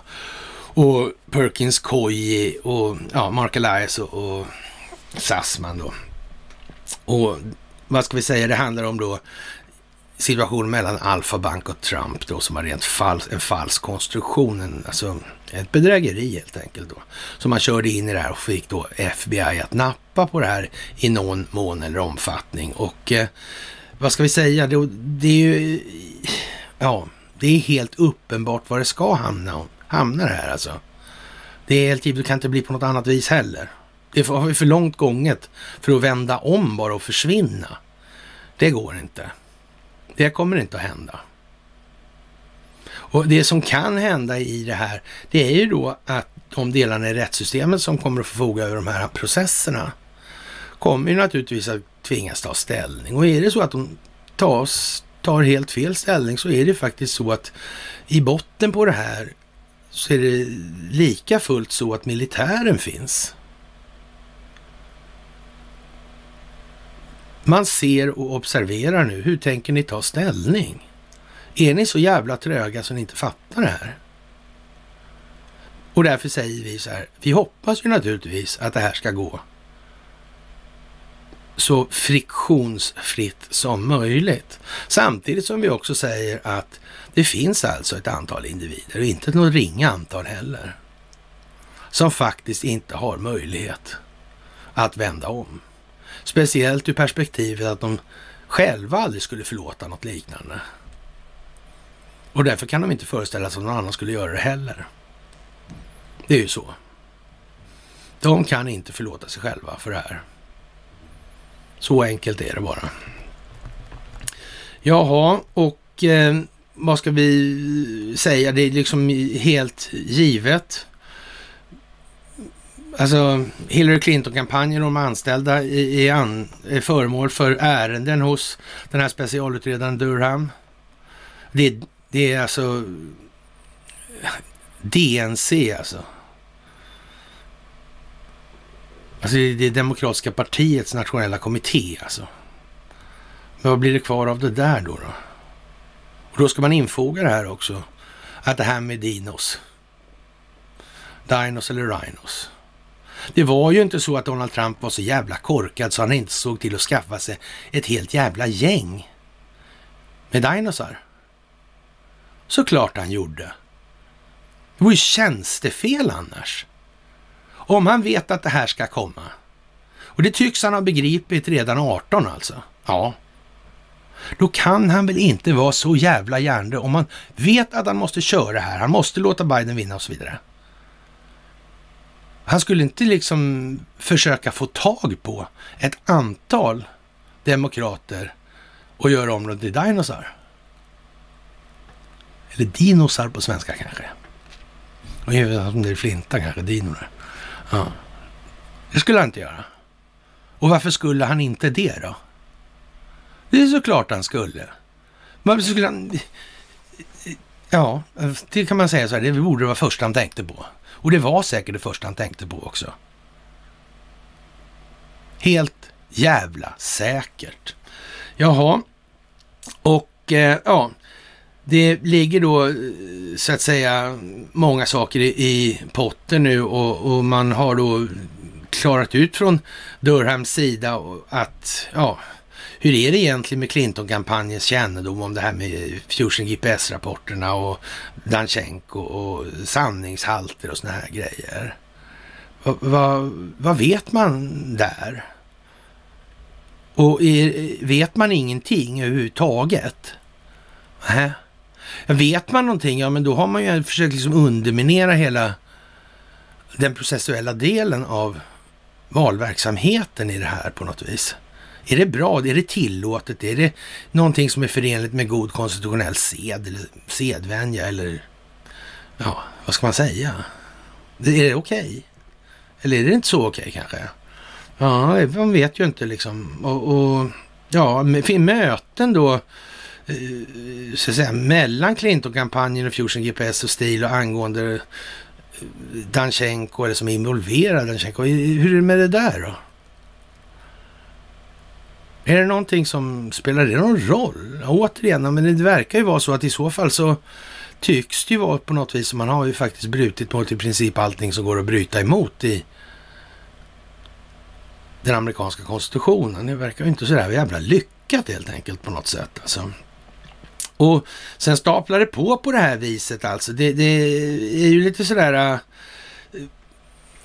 det blir ju inte bättre när Durham lyfter upp möjligheten att medlemmar av Clinton-kampanjen kan kallas att vittna vid Danchenkos rättegång. Ja, men vad blev det av sådana här... Var inte någon som tappade bort en dator där någonstans? Alltså? Någon Wasserman... Något där. Var det inte det? Hon försökte få tillbaka den där och, och försökte pressa den av polisen då. I Washington DC där. Var det inte så? Mm. Hur, vad tog de där vägen egentligen? De här bröderna där som höll på och micklade, satte upp de här grejerna med de här servrarna. Och som hade hand om it-säkerheten för DNC. Vad fan tog de vägen? Var inte de någonstans i Pakistan eller hur fan var det där egentligen? Vad fan tog de där vägen då? Det bara försvann alltihopa. Var inte det konstigt? Hur kunde du göra det? Eller kanske den här Wasserman Schultz kanske har... Och de där kanske har... Jaha. Har de något intressant att berätta då? Skulle man kunna säga så här att när man upptäckte att det var så där, då la man naturligtvis inte rabarber på dem från underrättelsetjänsternas sida, någon del, och höll käften om det och gav dem ett litet erbjudande som var svåremotståndligt. Det gjorde man inte. Och det vet ni att man inte gjorde. Eller vad tror ni själva? Kan man ha tänkt så? Kan någon ha kommit på den eminenta idén? Eller rättare sagt så här då som vanligt. Är det ens möjligt att någon inte kom på det? Att så måste man ju göra. Hur många altern andra alternativ kan det möjligen finnas liksom i det läget? Det är lika trovärdigt att de sket i det som att de sket i att skaffa sig dinosar. Det är inte alls trovärdigt helt enkelt. Ja, och det är ju som det är naturligtvis.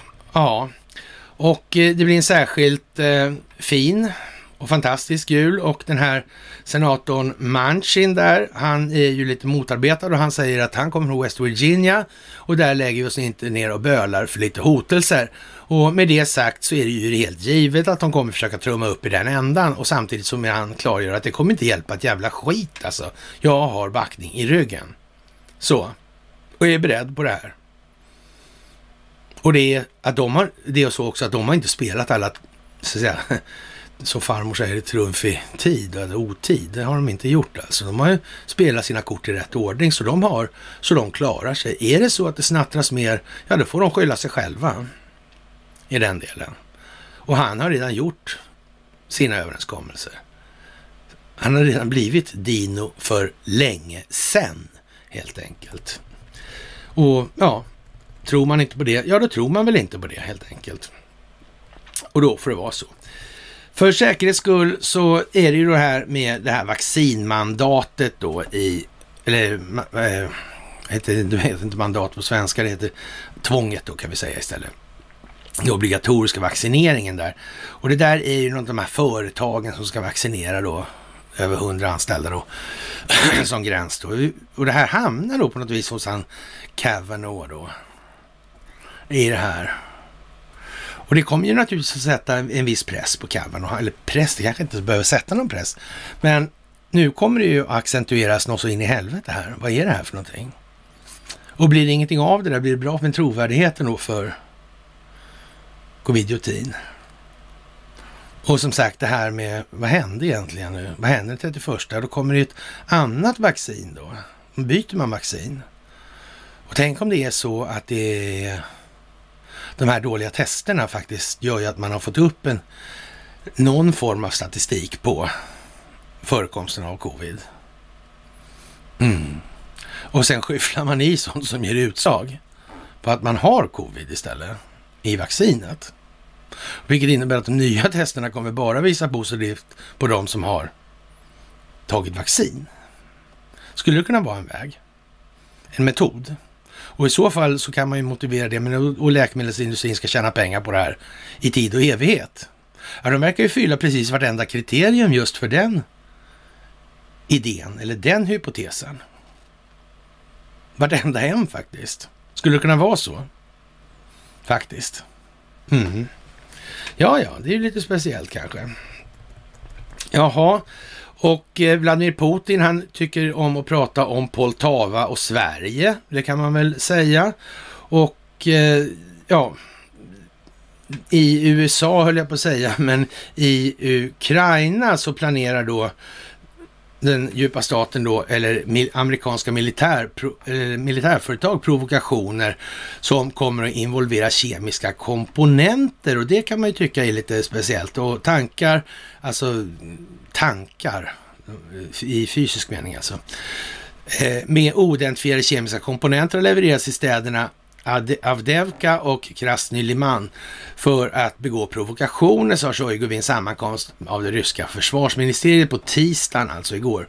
Och eh, ja, ministern påpekar att rådgivare från amerikanska privata militära företag, alltså PMCs, har skickats till Ukraina Donbass för att upprätta skjutställningar, försvar och försvar och träna ukrainska specialstyrkor. Och det här är ju en del i den här upptrappningen naturligtvis som måste ske och den sker koordinerat. Alltså det här är en stor och fin teater som spelas upp nu framför våra ögon och i samband med det så händer det andra saker i de här sammanhangen då, eller ur andra perspektiv som vi kommer tillbaka till strax. Och ja, det är ju naturligtvis så att den här typen av legoknäkteri kommer att i framtiden vara någonting som inte kommer att vara alltför uppskattad av det internationella samfundet och det är ju vällovligt faktiskt och det är behövligt i det här läget. För det har fått pågå alldeles, alldeles, alldeles för länge och Sveriges roll i den delen är inte exakt obetydlig den heller. Naturligtvis inte.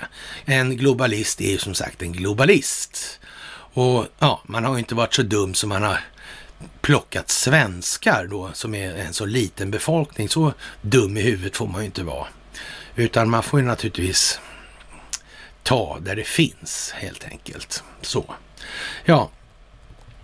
Och eh, ja, det är ju lite speciellt sådär. NATO ägnar särskild uppmärksamhet åt utplaceringar av trupper till alliansens östra flank, inklusive den kontinentala delen av USA. Övningarna inkluderar att utarbeta olika alternativ för att använda koalitionsgrupper mot Ryssland som består av icke-NATO-medlemmar, sa Shoigu, ungefär vad jag beskrev nyss då, innan jag läste det där. Och eh, det är ju lite det där vi får tänka på, alltså man är inte så liksom riktigt så kvaddad i skallen som de flesta som svensken i gemen som försöker göra analysen av det här. Det, man, man, har liksom tänkt lite mer sofistikerat. Och, och, och sen har man sina egna medier här hemma då för att sopa igen det här.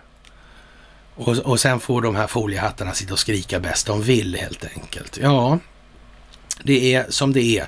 Var i helvete är svensken, undrar någon försynt i en kommentar till den delningen. Det kan man ju fråga sig, var han är någonstans. Vad är Carl Bildt förresten? Ja, är det någon som har sett honom på senare, senare tid? Ja, som sagt, den här Tieto Evry och eh, som vi pratade om initialt där. Det är ju samma företag som höll på att fiffla med eh, SCB. Mm. Nu eh, levererar man då kort och personaliseringstjänster till Nordea i Norden gör man stolt gällande på sin hemsida. Vad är det här? Det var inte det ett Investor-kontrollerat bolag det där? Det var det va? Kan det vara så att Investors ledning har stackel på sig ändå alltså? Kan det vara så? Mm, de har inget val helt enkelt. Eller är det så att Arsenalsgatan 8C ska bli den öppna, globala härskartemplet? Hur fan är det där egentligen? ja, ja. Ja, ja. Men det kanske kommer ett ufo, jag vet inte. Sådär. Det kan bli vad som. Eh, vad som också är vad som, det är att Kalix får beröm för modet. Bra att någon står emot. Hon menar naturligtvis inte några isproppar då i de där sammanhangen, utan hon menar det här IT-angreppet eller IT-attacken.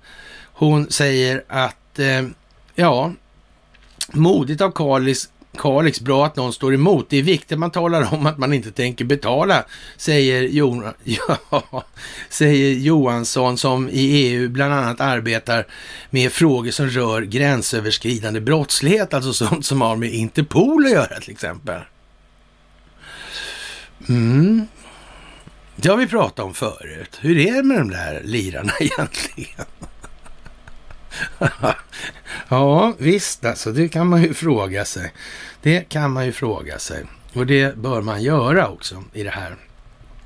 Jaha, och general, alltså där, den justitieminister Barr då, han säger att John Durham har då ja, kallat då, eller krävt in all kommunikation gällande Joe John Brennan då i olika sammanhang. Och, och det är naturligtvis eh, rätt så speciellt och man, man kan bara föreställa sig hur många förrädare som kommer att bli insopade i det där och, och han svettas för floder nu då, John Brennan. Fast eh, det är ju en aspekt till i det här. Tänk om Brennan haft en annan dator och ett annat system också. Och kommunicerat med Clinton, Obama och så vidare. Det, blir det bra då, alltså? Susan Rice och hela det där gänget? Blir det här skitbra? Det kan bli lite tokigt här kanske. Kan det vara så att man har haft en aning om att det kan vara på något annat sätt än vad de här människorna har redovisat. Man kanske har haft det länge. Kanske jättelänge. Kanske redan långt före Edward Snowden bestämde sig för att tala om en massa saker. Kan det vara så? Mm. Det kan till och med vara så att Barack Obama, det här med födelseattesten kan vara sant. Men man har inte drivit det av någon anledning. Det kan vara så illa eller bra eller vad man ska säga i den delen att Barack Obama gjorde vad han skulle, men han förstod långt, man förstod långt, lång tid sedan alltså, att det skulle inte räcka med det, det där. Nej. Mm. Det skulle vara lite enande då kanske, om det visade sig att det var så. För om man tittar nu, hur blir det här egentligen? Hur går så att säga, dynamiken i amerikanska medier nu? Hur var det med den här Manchin egentligen? Nu slutar han vara värsta svinet och börjar bli en dino. De har inte börjat med dino än, de har inte kom, satt det ordet på dem, men det kommer. Det kommer. Mm. Ja. Kan det vara så att någon har planerat?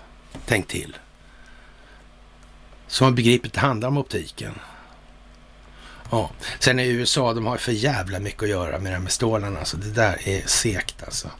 Det där orkar man inte ens... Ja, ja som sagt, det, Vaxets roll kommer upp i av verkligheten då någon gång nästa vecka i slutet där när det här nya PCR-testet då, CDC-RT PCR, och för SARS-CoV-2 eller CoV-2 test då, då, det är det andra då. Ja, och det kommer ju bli intressant såklart. Nya rekord för elpriserna kan vi väl vänta oss framgent också. Det blev ju det i veckan och ja, vad ska vi säga? Det är det belgiska försvarets nätverk ligger nere, eller låg nere häromdagen och eh, ja, vad ska vi säga? Det här med situationen i Ukraina, man visar sig nu i alla fall att eh, det här planet MH-70 17 som sköts ner, det blev ju nedskjutet då av ett sånt här eh, buckmissilsystem då. Och problemet med det här, det var ju det att eh, och de här holländska utredarna, de var ju helt säkra på eh, att det här var ju ryskt. Va? Problemet var ju att de här missilerna då var ju registrerade då, och den missil som sköt ner den här, det här planet då, det har befunnit sig i ukrainsk ägo då sen och under ukrainsk kontroll då sedan 1986. Och, och de hade ju, har ju faktiskt inte anmält en enda förlust av de här missilerna. Trist nog för dem alltså.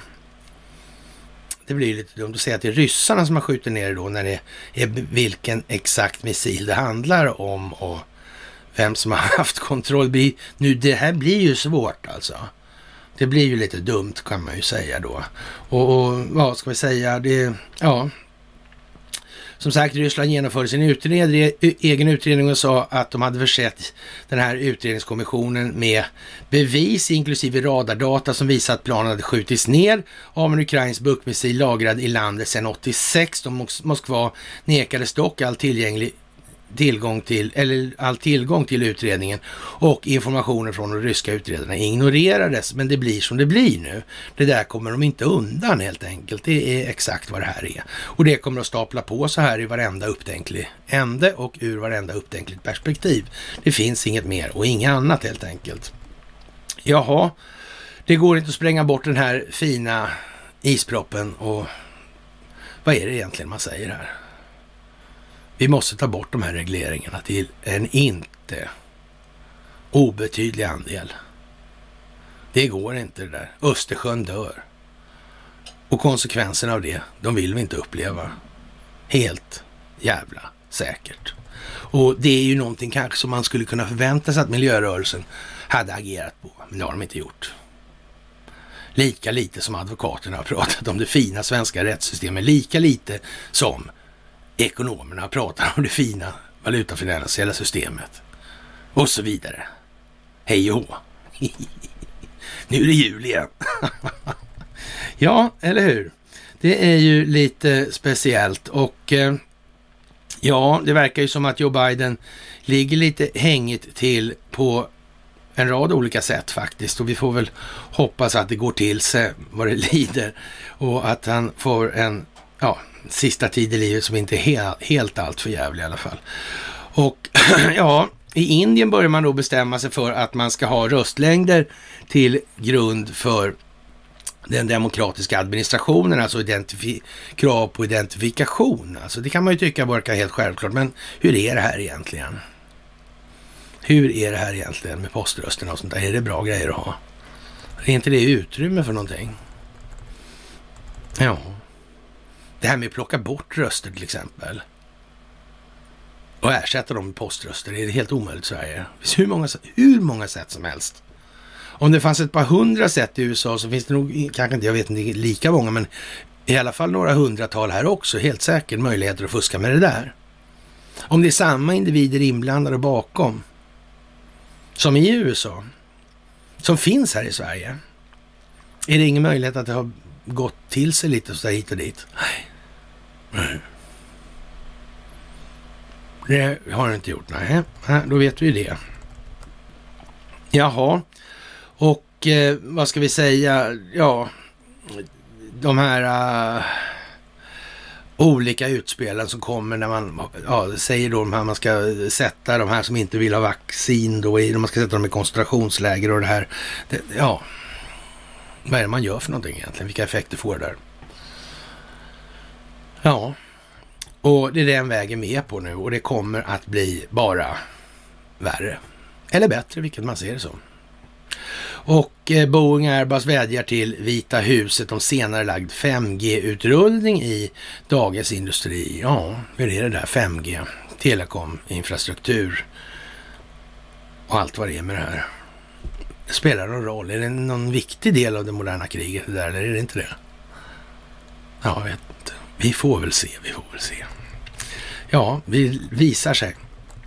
Och eh, den här Alexander Stubb, för detta multiminister i Finland, han tyckte det var för jävligt att då, ja, Ryssland spelade mot Finland och torskade förvisso då, men de hade i alla fall uppträdde då i de gamla Sovjetuniontröjorna.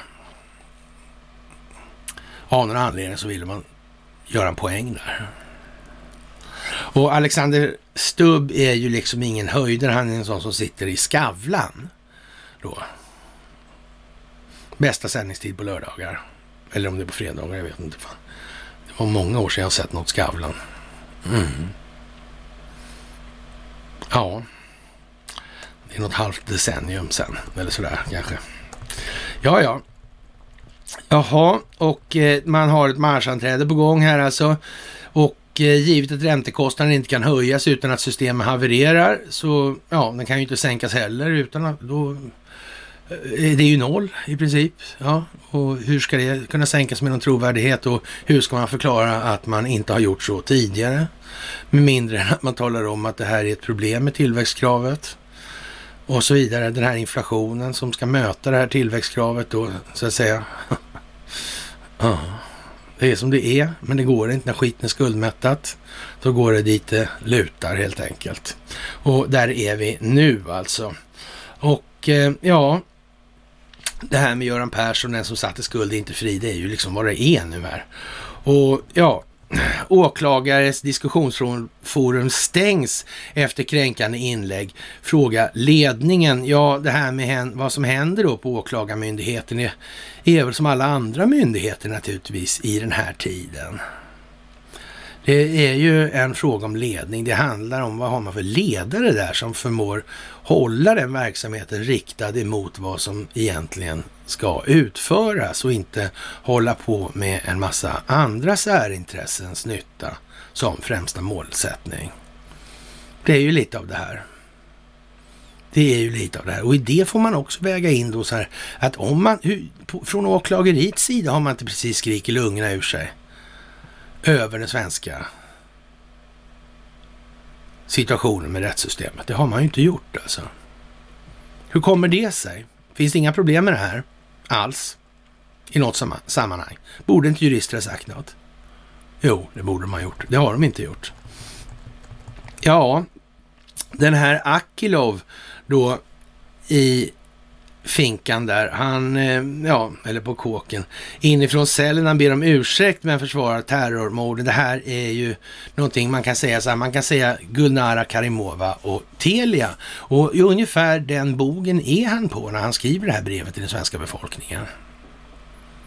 Är det inte konstigt? Mm. Vad blev det för Nyberg då för att ha gett bort de här 4 miljarderna eller 5 miljarderna till Karimova? Det blev ingenting, nej. Hon gick inte med 8. Men Sverige har ingen roll i det där alltså. Telekominfrastrukturkontrollen till trots. Ingen roll. Eller? Men det blir bara bättre därför att men den här Akilov, han var väl muslim då? Okej. Okay. Men vad konstigt, han tillhörde den jävla Luton-moskén också i eller England. Alltså. Mm. Aha. Vem fan finansierade, var inte det någonting? Det var ju naturligtvis saudier och sånt där också. Aha. Fast i baklänges så kunde man säga att det var faktiskt BAE. Det har ingen med Sverige att göra. Nej. Och, vad, vad var det för några som dog då med det där? Ja, jag vet inte. Det är konstigt. Det är konstigt. Det är konstigt. Det betyder säkert ingenting helt enkelt. Jaha, och eh, i Finland har man börjat tycka till då och tycker att covid-intyg COVID gör mer nytta än skada just nu, men ja, läggs sannolikt på hyllan då. Och det kan man ju säga var lite friskt vågat, hälften vunnet. Och Storstalin har naturligtvis, ja, konstaterat att hackarna läcker personaldata från Nordic Choice hotellkedjan alltså. Och det var väl tråkigt för honom helt enkelt. Och eh, ja, kung Carl Gustav har festat med strippor och det hamnar i Daily Mail alltså. Och man säger att det här är bak, till, uppe nu i ljuset av verkligheten och det känns någonstans som att det inte är så jävla långt från Epstein och Andrew i de här sammanhangen. Känns det inte lite så? Finns det mer att veta i de här sammanhangen? Finns det något med Nobel Lewenhaupt och sådana grejer? Kan det finnas något? Ja, vem vet? Kan det finnas någon gammal, natt, gammal och gammal, men kan det finnas nattklubbsägare i de här kretsarna som också har, äh, han har nog ingen koll sådär förresten, men det har väl däremot storstadens kollega, han har nog koll. Vimal Kovacs, han har lite mer koll på det där tror jag. Ja, vi får väl se vad som kommer. Spännande, mycket spännande naturligtvis. Ja, och eh, ja, man ska muddra lite upp eh, i Norrlandsträsket, höll jag på att säga, men i norrländska kusten och det där är ju lite speciellt. Alltså ny sjöväg för malmtransporter kräver rekordmuddring. Ja, vad ska vi säga? Vad kan tanken vara med det där då? Mm. Vad ska det där syfta till? Har någonting med logistik att göra alltihopa? Faktiskt. Vad kan det vara? Ja, och jag vet inte. Vi kan väl konstatera att eh, när eh, Joe Biden sa så här, var ju tidigare i veckan här, så att eh, för de ovaccinerade så är det bara så här att ni kan se fram emot en vinter med svåra sjukdomar och död för er själva, era familjer och de här som ja, hamnar på eh, sjukhus. Sådär. Det, ja. Det är bara så. Varför säger han så? Det är inte som man säger i amerikanska medier, de, de ligger lite längre bakom där. Eh, de, då, då tycker de att Joe Biden är jävla dum, alltså, säger sådana grejer. Men alltså riktigt så dum är han inte. Det går inte. Alltså, det är inte så att han inte är in, han, han vet vad han ska säga och göra ganska precis. Så är det ju också. Ja. Men opinionen blir ju vad den blir alltså. Så i och för sig. Ja.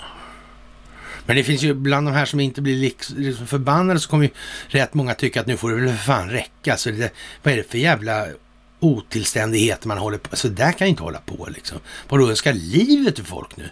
Idiot liksom. Ja, det där är som det är och det förstår nästan alla som tänker efter i de sammanhangen. Och eh, Tyskland gör det ännu lite starkare. De vill begränsa privata sammankomster för vaccinerade då. Och det är ju lite på kanske. Och eh, med det så kan man väl säga så här att vi har avverkat den här veckans onsdag. Och sen har vi julafton kvar och då får vi sätta på oss en röd luva och, och lite sånt där och se ut som vi är eh, julpyntade. Och eh, ja, det händer ju grejer och det lär ju bli den mest händelserika julen som, ja, på väldigt, väldigt länge som det ser ut. Alltså om vi inte tar lite julefrid bara och man tycker att det är ingen idé att smida medan järnet är varmt och medan folk ändå är lediga och har tid att ta till sig olika saker. Man kanske till och med har planerat för att de ska ha ännu mer tid att ta till sig olika saker. Ja, det skulle ju kunna vara för jävla otur om det blev ett avbrott i sändningen när kocken ska på Kalanka som har lagts fem minuter senare än ja, de förra, vad det nu kan röra sig om, 60 åren eller motsvarande. Ja, är det så? Ja, med det kära vänner så vill jag tacka för dagens tillställning och begivenhet och eh, jag kan väl börja med att önska er en riktigt god jul och det här är fantastiskt. Det blir en fantastisk jul för oss att uppleva. Det är helt säkert och det är möjligt att det kan bli lite kallt och det kan bli lite ja, dåligt med möjligheterna att handla. Men är det så så ska man ha klart för sig, eller man ska nog tänka på att det är nödvändigt så just nu för de omvälvningar som står för dörren. Det är liksom ingen som tjänar, den djupa staten tjänar ingenting på att göra de här sakerna nu. Alltså man har haft det här som en kuliss, det här med covidiotin. Och man har tänkt så gömma det valutafinansiella haveriet bakom den här pandemin alltså. Men nu blir det svårt. Nu blir det svårt. Verkligen. Och med det så önskar jag er en, idag är det också piglördag förresten, en trevlig piglördag så här inför storhelgen. Och Eh, så återkommer vi då lite tidigare än vanligt på fredag, julafton. Och eh, så passar jag på att än en gång önska er en god jul så syns vi på fredag. Hej!